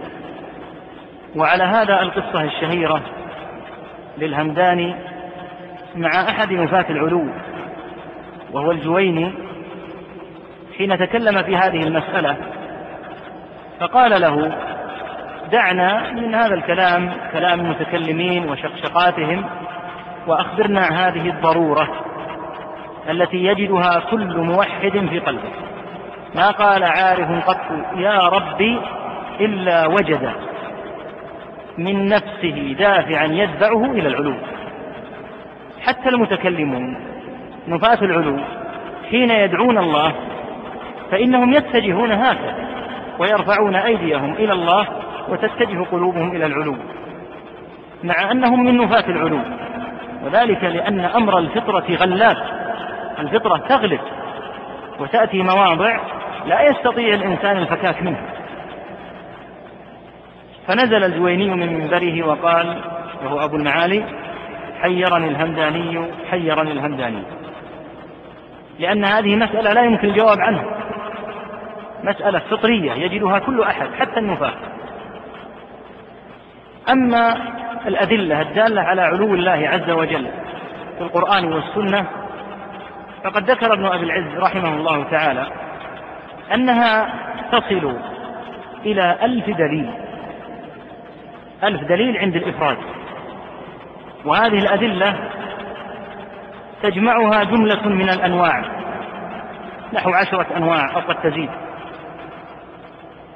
النوع يكون جامعا لأفراد من الأدلة. النوع واسع. يدخل تحت النوع عدد من النصوص. ثلاث آيات أربع آيات ستة أحاديث عشرة أحاديث. كل آية هي فرد دليل. وكل حديث هو فرد دليل. فإذا جمعت وجدت في تحت هذا النوع نحو من عشرة أدلة خمسة عشرة, خمسة عشر دليلا أو نحو ذلك أو أكثر بحيث إذا اجتمعت وصلت إلى نحو ألف دليل إذا بسطت. بل قال بعض أهل العلم إنها تزيد على ألف دليل. ومن باب الفائدة نذكر هذه الأنواع بشكل سريع. وهي من أنفس الحقيقة من أنفس ما يقتنيه طالب العلم. لأن هذه الأدلة النصية هي نور. وإذا اجتمع لدى طالب العلم جملة أنوار فإن هذه الأنوار تخترق ظلمات أهل الباطل. ولهذا فإن أهل الباطل لم يجدوا مفرا من صعوبة تأويل هذه النصوص إذا اجتمعت حتى قال بعضهم إنه لا يحل جمع هذه النصوص لأنه يعسر تأويله يعني يصعب تحريفه. وإنما تؤخذ النصوص عندهم واحدة واحدة حتى تحرف واحدة واحدة. أما إذا جمعت يقول يصعب تأويله وهذا صحيح. لأن لا أقصد الحكم الحكم كذبوه لكن أقول إن يصعب تحريفها. لأنها إذا جمعت واحدة إذا جمعت هذه الأدلة مجتمعة أضحت بمثابة الأنوار التي تعجز الخفافيش عن مطالعتها خفافيش المتكلمين. ولهذا قالوا هذه المقولة العجيبة. الله عز وجل وصف القرآن بأنه نور وهدى. والأنوار إذا اجتمعت فليس في اجتماعها إلا الخير. ولهذا كان من منهج أهل السنة أن يجمعوا النصوص. وأن لا يركز على نص دون نص. لأن هذا من من الضلال. فمن نظر إلى نوع من النصوص وترك النصوص الأخرى فإنه من أهل الباطل.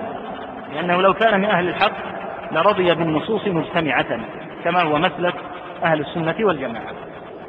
فمن الأنواع الدالة على علو الله عز وجل النوع الأول التصريح بالفوقية. التصريح بالفوقية لله عز وجل. وقد ورد في تحت هذا النوع ثلاث آيات في القرآن منها قوله تعالى وهو القاهر فوق عباده وأصرح منها قوله تعالى يخافون ربهم من فوقهم فهذا النوع يندرج تحته أفراد من الأدلة وهو النوع الأول التصريح بالفوقية. النوع الثاني التصريح بأن الله عز وجل في السماء. وهذا ورد في موضعين في القرآن في سورة تبارك في قول الله عز وجل أأمنتم من في السماء أن يخسف بكم الأرض؟ وفي الآية بعده بعدها أم أمنتم من في السماء أن يرسل عليكم حاصبا؟ فهذان فردان من أفراد الأدلة. ومن الأدلة الدالة على هذا النوع من السنة حديث الجارية المشهور الذي رواه مسلم رحمه الله تعالى وغيره من أهل العلم. وفيه أن النبي عليه الصلاة والسلام سيأتي الإشارة إليه قال للجارية أين الله؟ قالت في السماء. قال من أنا؟ قالت أنت رسول الله. قال أعتقها فإنها مؤمنة. فشهد لها بالإيمان حين أقرت لله عز وجل بالله عز وجل وبرسوله صلى الله عليه وسلم. إلى غير ذلك من الأفراد أفراد كثيرة. ومن الأنواع وهو النوع الثالث التصريح بالعروج. بالعروج إلى الله. كما قال عز وجل تعرج الملائكة والروح إليه. وقد عرف واشتهر عند كل أحد أن النبي عليه الصلاة والسلام عرج به إلى ربه عز وجل. فالإسراء كان إلى بيت المقدس. كما قال تعالى سبحان الذي أسرى بعبده ليلا من المسجد الحرام إلى المسجد الأقصى. أما المعراج فكان إلى الرب تبارك وتعالى. وهذا المعراج العظيم من عجيب شأن أهل, أهل الكلام نفاة العلو أنهم يقرونه.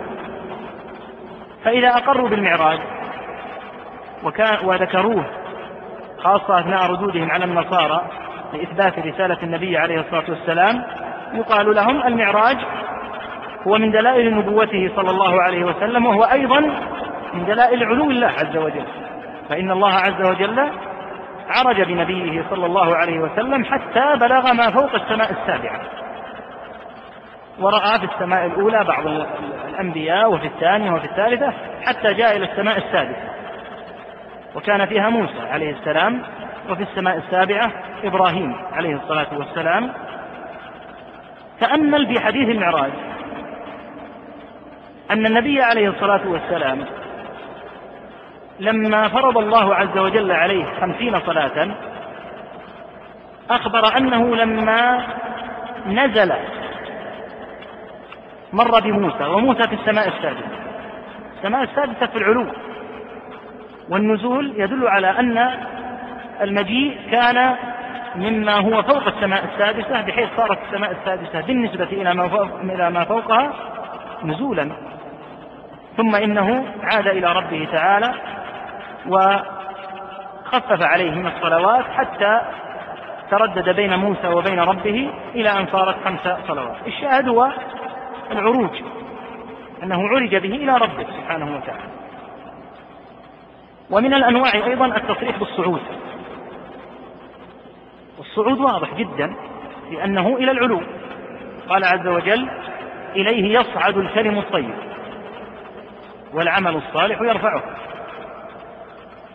ومن الأدلة أيضا من الأنواع وهو النوع النوع ربما الخامس التصريح بالإشارة إلى الله بالأصبع. التصريح بالإشارة إلى الرب عز وجل بالأصبع. وهذا فعله صلى الله عليه وسلم أمام الألوف من أصحابه رضوان الله تعالى عليهم في حجة الوداع حين قال إنكم مسؤولون عني فما أنتم قائلون؟ قالوا نشهد أنك قد بلغت وأديت ونصحت. فقال اللهم هذا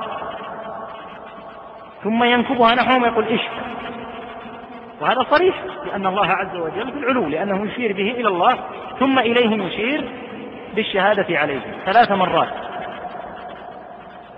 ومن الأنواع أيضا الدالة على العلو رفع الأيدي إلى السماء. عند الدعاء. وفيه الحديث المشهور إن الله عز وجل يستحي من عبده إذا رفع إليه يديه أن يردهما صفر فالرفع عند الدعاء هو رفع إلى الله لأن الله عز وجل في العلو فيرفع العبد إلى الله عز وجل يديه لا يرفع لا يجعلها يمنة ولا يسرة وإنما يرفعها إلى الرب الذي يدعوه سبحانه وتعالى إلى غير ذلك من الأنواع. وتحت كل كل نوع عدد من الأدلة. ومن الأنواع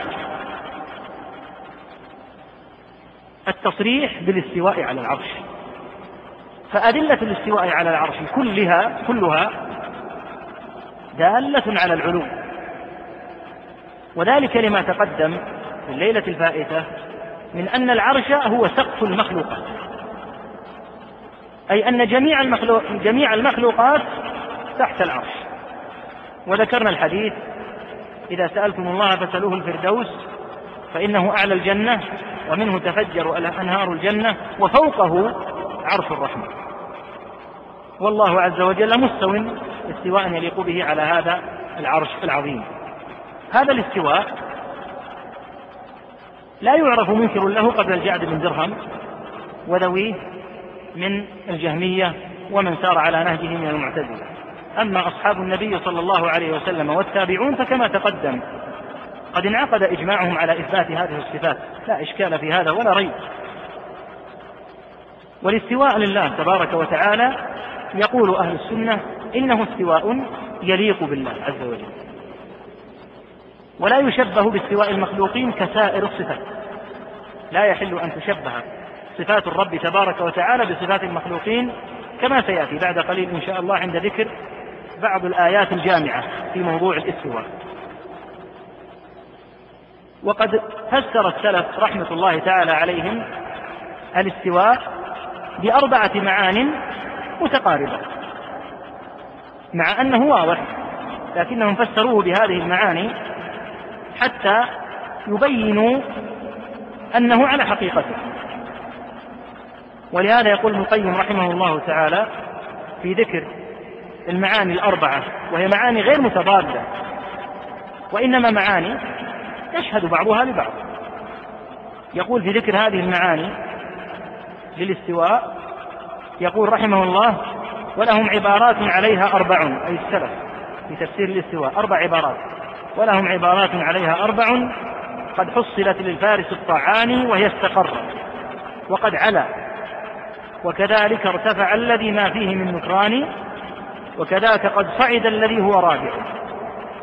وأبو عبيدة صاحب الشيباني يختار هذا القول في تفسيره أدرى من الجهمي بالقرآن.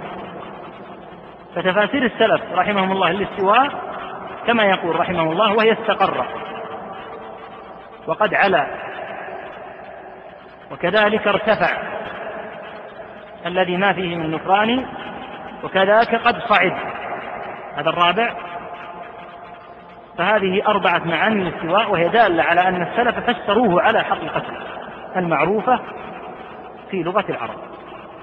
ولهذا فإن مالكا رحمه الله تعالى كما في النقل الذي تقدم في الليلة الفائتة حين سئل السؤال الذي لا يجوز أن يسأل عن الله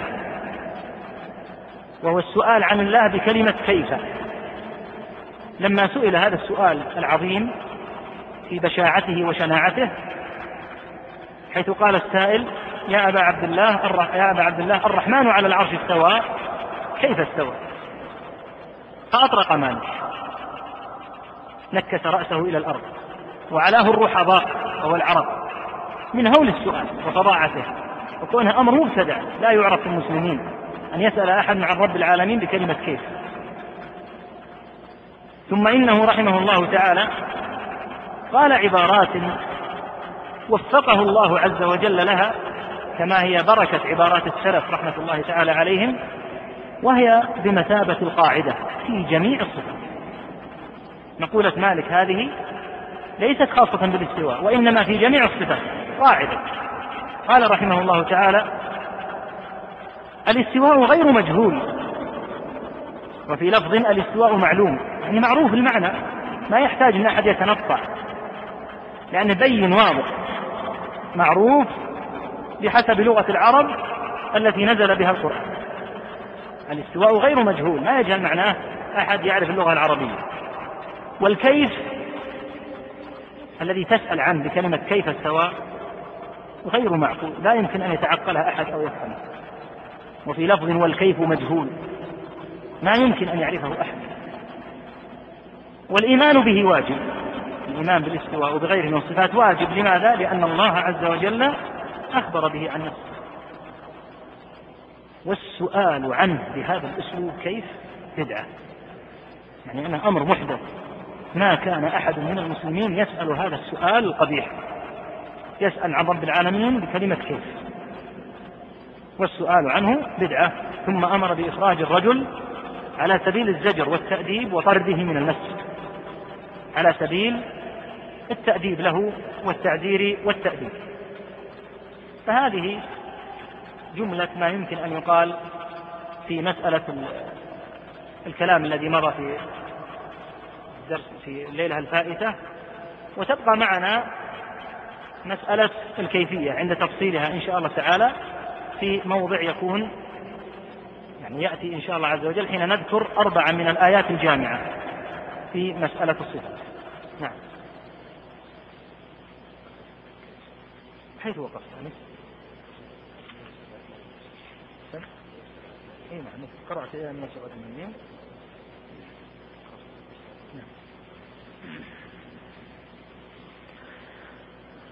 بسم الله الرحمن الرحيم. الحمد لله رب العالمين والصلاة والسلام على أشرف الأنبياء والمرسلين. نبينا محمد عليه وعلى آله وصحبه أجمعين.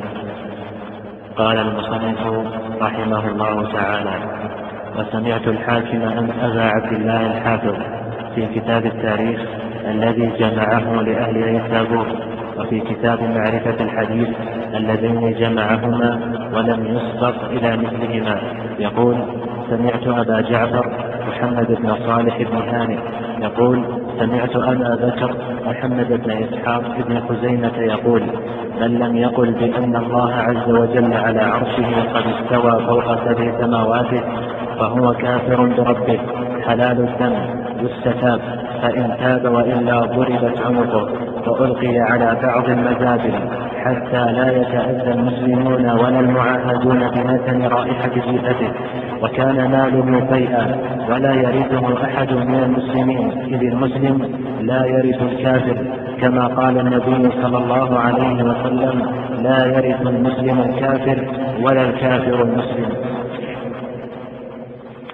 وإمامنا أبو عبد الله محمد بن إدريس الشافعي رضي الله عنه احتج في كتابه المكتوب في مسألة إعتاق الرقبة المؤمنة في الكفارة وأن غير المؤمنة لا يصح التكفير بها بقدر معاوية بن الحكم وأنه أراد أن يعتق الجارية السوداء لكفارة. وسأل رسول وسأل رسول الله صلى الله عليه وسلم عن إعتاقه إياها فامتحنها رسول الله صلى الله عليه وسلم.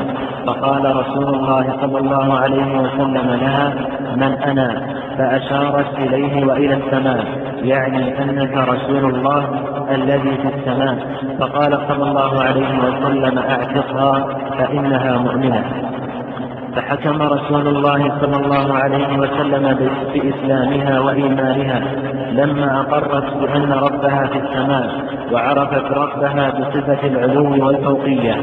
وإنما احتج الشافعي رحمة الله عليه على المخالفين في قولهم بجواز إعتاق الرقبة الكافرة في الكفارة بهذا الخبر باعتقاده أن الله سبحانه فوق خلقه. وفوق سبع سماواته على عرشه كما كما معتقد المسلمين من أهل السنة والجماعة سلفهم وخلفهم إذ كان رحمه الله لا يروي خبرا صحيحا ثم لا يقول به.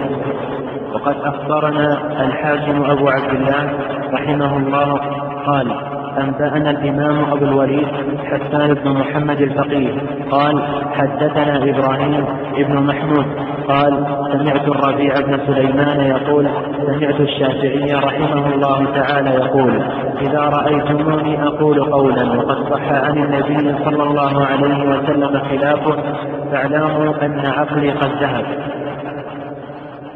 قال الحاكم رحمه الله سمعت أبا الوليد غير مرة يقول حدثت عن الزعفراني أن الشافعي رحمه الله تعالى روى يوما حديثا فقال السائل يا أبا عبد الله تقول به قال تراني في بيئة أو كنيسة ترى علي زي الكفار هو ذا تراني في مسجد المسلمين على زي المسلمين علي زي المسلمين مستقبل قبلتهم أروي حديثا عن النبي صلى الله عليه وسلم ثم لا أقول به.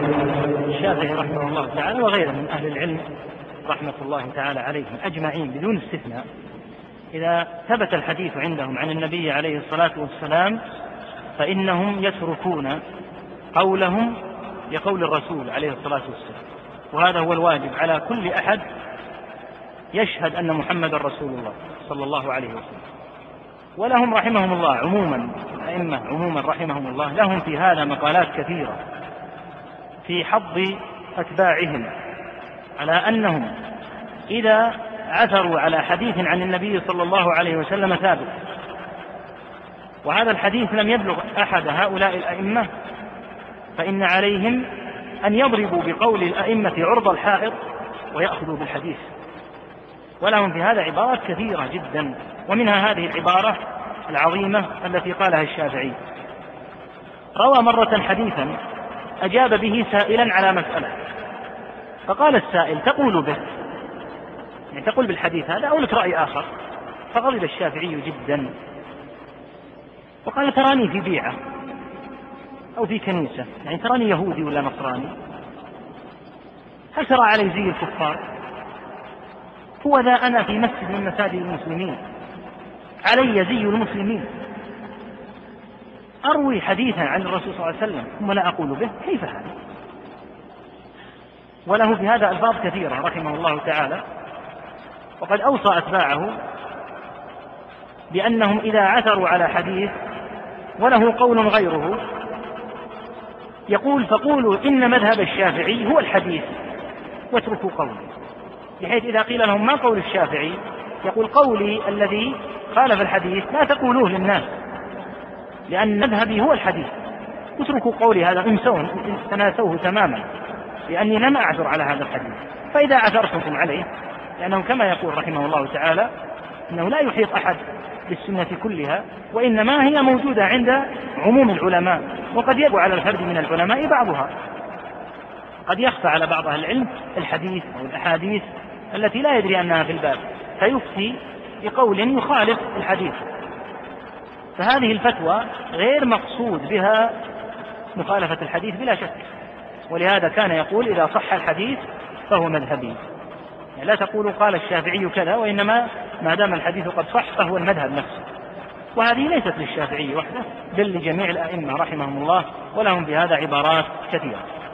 الشاهد أن الشافعي يحتج بحديث الجارية هذا في أثناء كلامه على مسألة العتق وأن الكفارة في جميع الكفارات يرى رحمه الله تعالى أنه لا يحل أن تعتق إلا جارية مؤمنة. واحتج بهذا الحديث أن النبي صلى الله عليه وسلم استدعى هذه الجارية وسألها ثم قال أعتقها فإنها مؤمنة. يقول الصابوني رحمه الله تعالى هو لا يقول بالحديث في جانبه العملي الفقهي فقط وإنما يقول به أيضا في جانبه العقدي في دلالته على أن الله في السماء. وللشافعي رحمه الله تعالى عبارات كثيرة في الاعتقاد تدل على صحة مسلكه رحمه الله كغيره من إخوانه الأئمة رحمة الله تعالى عليهم ومن الكتب التي جمعتها الكتاب الذي أشرنا إليه وهو كتاب اجتماع الجيوش الإسلامية. لابن القيم رحمه الله حيث جمع كلام أبي حنيفة وأصحابه وكلام الشافعي وأصحابه وكلام مالك وأصحابه وكلام أحمد وأصحابه رحم الله الجميع. وسبق ذلك كله بكلام الصحابة والتابعين وسبق ذلك بالنصوص رحمة الله تعالى عليه. وكتابه من أنفس الكتب في هذا الباب في جمع كلام الأئمة. نعم. قال رحمه الله قال أبو عثمان والفرق بين أهل السنة وبين أهل البدع أنهم إذا سمعوا خبرا في صفات الرب ردوه أصلا ولم يقبلوه للظاهر ثم تأولوه بتأويل يقصدون به رفع الخبر من أصله وإبطال عقولهم وآرائهم فيه. يعني في السقف هنا المواضع هذه كما يشير ابن حشري ومجمل طريقة أهل البدع في التعامل مع النصوص تنقسم إلى قسمين كما ذكر هنا وكما يمكن أن يعني يشار في الحاشية إلى المراد بالسقط الموجود هنا. طريقة أهل البدع في التعامل مع النصوص لا تخلو من أحد أمرين إما أن يردوا النص صراحة ويكذبوه كما للمعتزلة في هذا مقولات بشعة جدا من مثل تكذيبهم حتى للصحابة رضي الله تعالى عنهم. حتى قال عمرو بن عبيد كلاما عظيما في أنه لو سمع عبد الله بن مسعود يروي هذا الحديث يقول لرددته عليه. ولو سمعته من رسول الله صلى الله عليه وسلم لما قبلته. قال ولو سمعته من الله من الله لقلت لا ما, ما على هذا أخذت عليه العهد يعني أن عنده استعداد لرد النص حتى لو كان يعلم أنه من الله. نسأل الله العفو والعافية. ولهذا أنكر بعض المعتزلة السنة جملة. وغالب طريقة المتكلمين مع الأحاديث هي الجرأة عليه إما بالتكذيب وإما بدعواهم أنها لا تفيد القطع واليقين وأن المخالف للعقل عقولهم منكوسة يرد منها فالمسلك الأول لهم هو رد النص وبخاصة النص النبوي فهم جراء على ذلك جدا. ولهذا جاء عن أمير المؤمنين عمر رضي الله عنه أنه قال أصحاب الرأي أعداء السنن أعيتهم الأحاديث أن يحفظوها وتفلتت منهم أن يعوها. واستحيوا حين سئلوا أن يقولوا لا نعلم فأفتوا برأيهم فضلوا وأضلوا. هذه هي الطريقة وهذا هو المسلك الأول. المسلك الثاني وهو الغالب عليهم ويتعاملون به جدا في نصوص القرآن وأنهم يظهرون القبول ويقولون نحن نقبل النص ولا نرد على الله عز وجل قوله ولكن للنص معنى غير معناه الظاهر. هذا المعنى ليس هو المعنى الذي فهمه الصحابة ولا التابعون وليس الذي يفهم من لغة العرب وإنما يبتدع لهذا اللفظ معنى آخر. فيأتي إلى السوى الصريحة الجلية الواضحة في أن الله مستوى على عرشه فيتأولها ويأتي بلفظة من تلقائه ليس عليها أي دليل. لا من القرآن ولا من السنة ولا من لغة العرب. فيقول أنا ما كفرت باستواء الله على عرشه من قال إني أرده؟ أنا أقول إن الله استوى ولكن أقول معنى استوى استوى. يرد النص بطريقة غير صريحة فهم لا يخلون من أحد هذين الأمرين إما تحريف النص وإبطال معناه الظاهر مع ادعاء قبوله وإما رده صراحا والجرأة عليه وتكذيبه. قال رحمه الله ويعلمون حقا يقينا أن ما قاله رسول الله صلى الله عليه وسلم فعلى ما قاله إذ هو كان أعرف بالرب جل جلاله من غيره ولم يقل فيه إلا حق إلا حقا وقص إلا حقا وصدقا ووحيا. قال الله عز وجل وما ينطق عن الهوى إن هو إلا وحي يوحى. نعم. هنا أربع آيات أحب أحب أن تذكر لأنها من الآيات الجامعة من الآيات الجامعة في موضوع الصفات. وهذه الآيات ذكرها أهل العلم رحمهم الله ومن الذين اعتنوا ببيانها العلامة الشنقيطي رحمة الله تعالى عليه صاحب أضواء البيان الشيخ محمد محمد الأمين رحمه الله تعالى صاحب أضواء البيان. له مصنف صغير الحجم وهو عظيم الفائدة في الصفات. هذه الآيات الجامعة أولها قوله تعالى قل أأنتم أعلم؟ قل أأنتم أعلم أم الله؟ هذه الآية العظيمة من أعظم ما يستدل به في موسى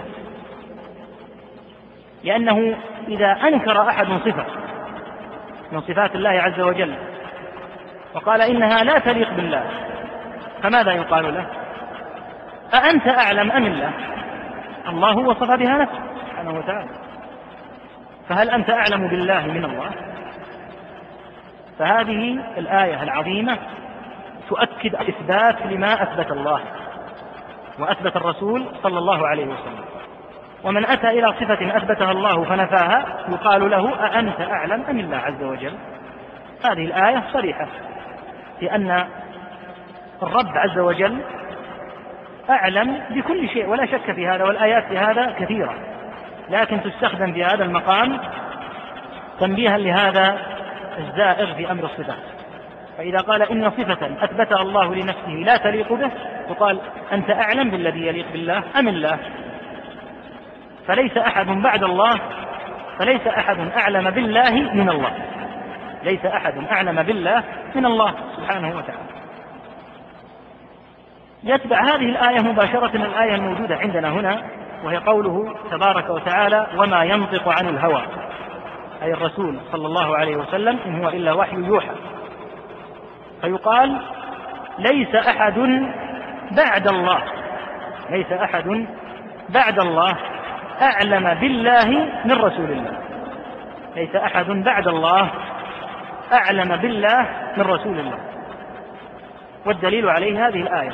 قال تعالى تزكية لقوله صلى الله عليه وسلم وبيانا لأنه حق وأن الهوى لا يتطرق إليه كغيره من الناس وما ينطق عن الهوى إن هو إلا وحي يوحى. فهذا في إثبات يعني هاتان الآيتان تؤكدان القاعدة الأولى لأهل السنة وهي إثبات ما أثبت الله لنفسه.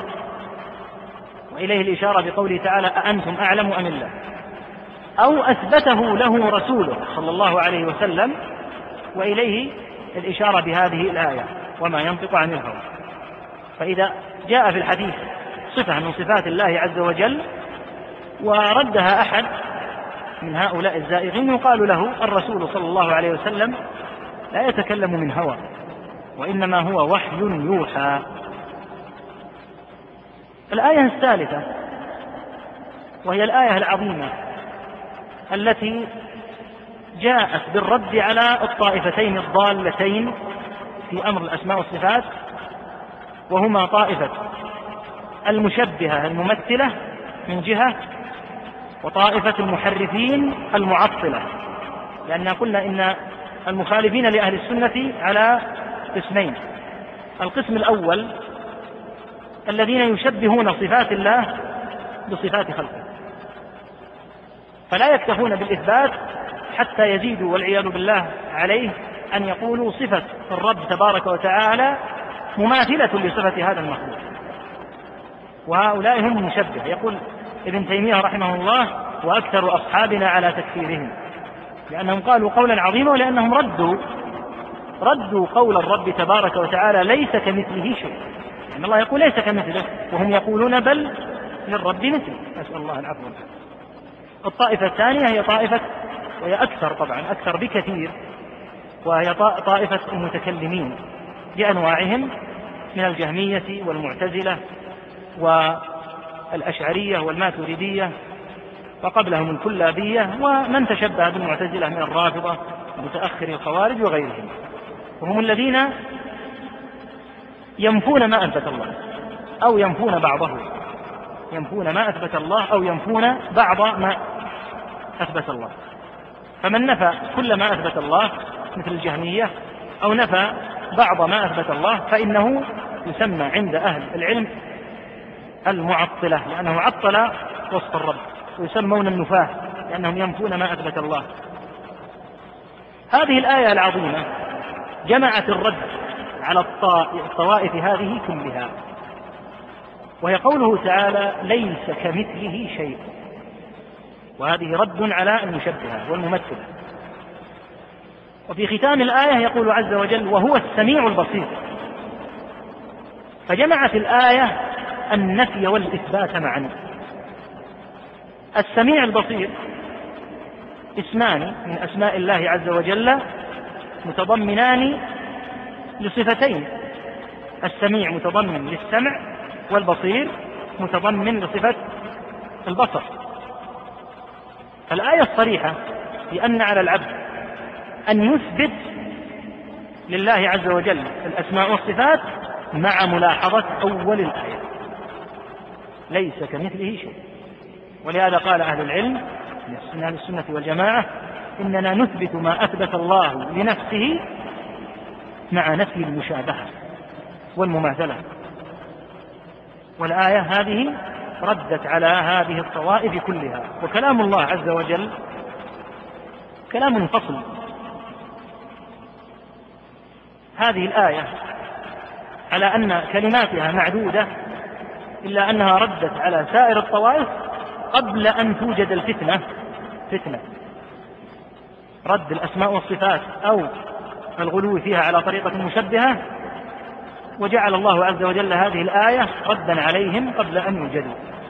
ليس كمثله شيء رد على الممثلة والمشبهة. وهو السميع البصير رد على المعطلة والنفاة الذين يحرفون الكلمة عن مواضعه. هذه هي الآية الثالثة. الآية الرابعة هي قول الله عز وجل وتقدم الكلام عليها في ليلة الفائتة هي قوله تعالى يعلم ما بين أيديهم وما خلفهم ولا يحيطون به علما. سبحانه وتعالى.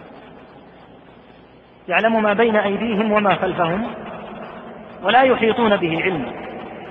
وفي هذه الآية النص الظاهر الصريح بل الصريح على أن الله لا يمكن أن تدرك كيفيته ولا كيفية صفاته.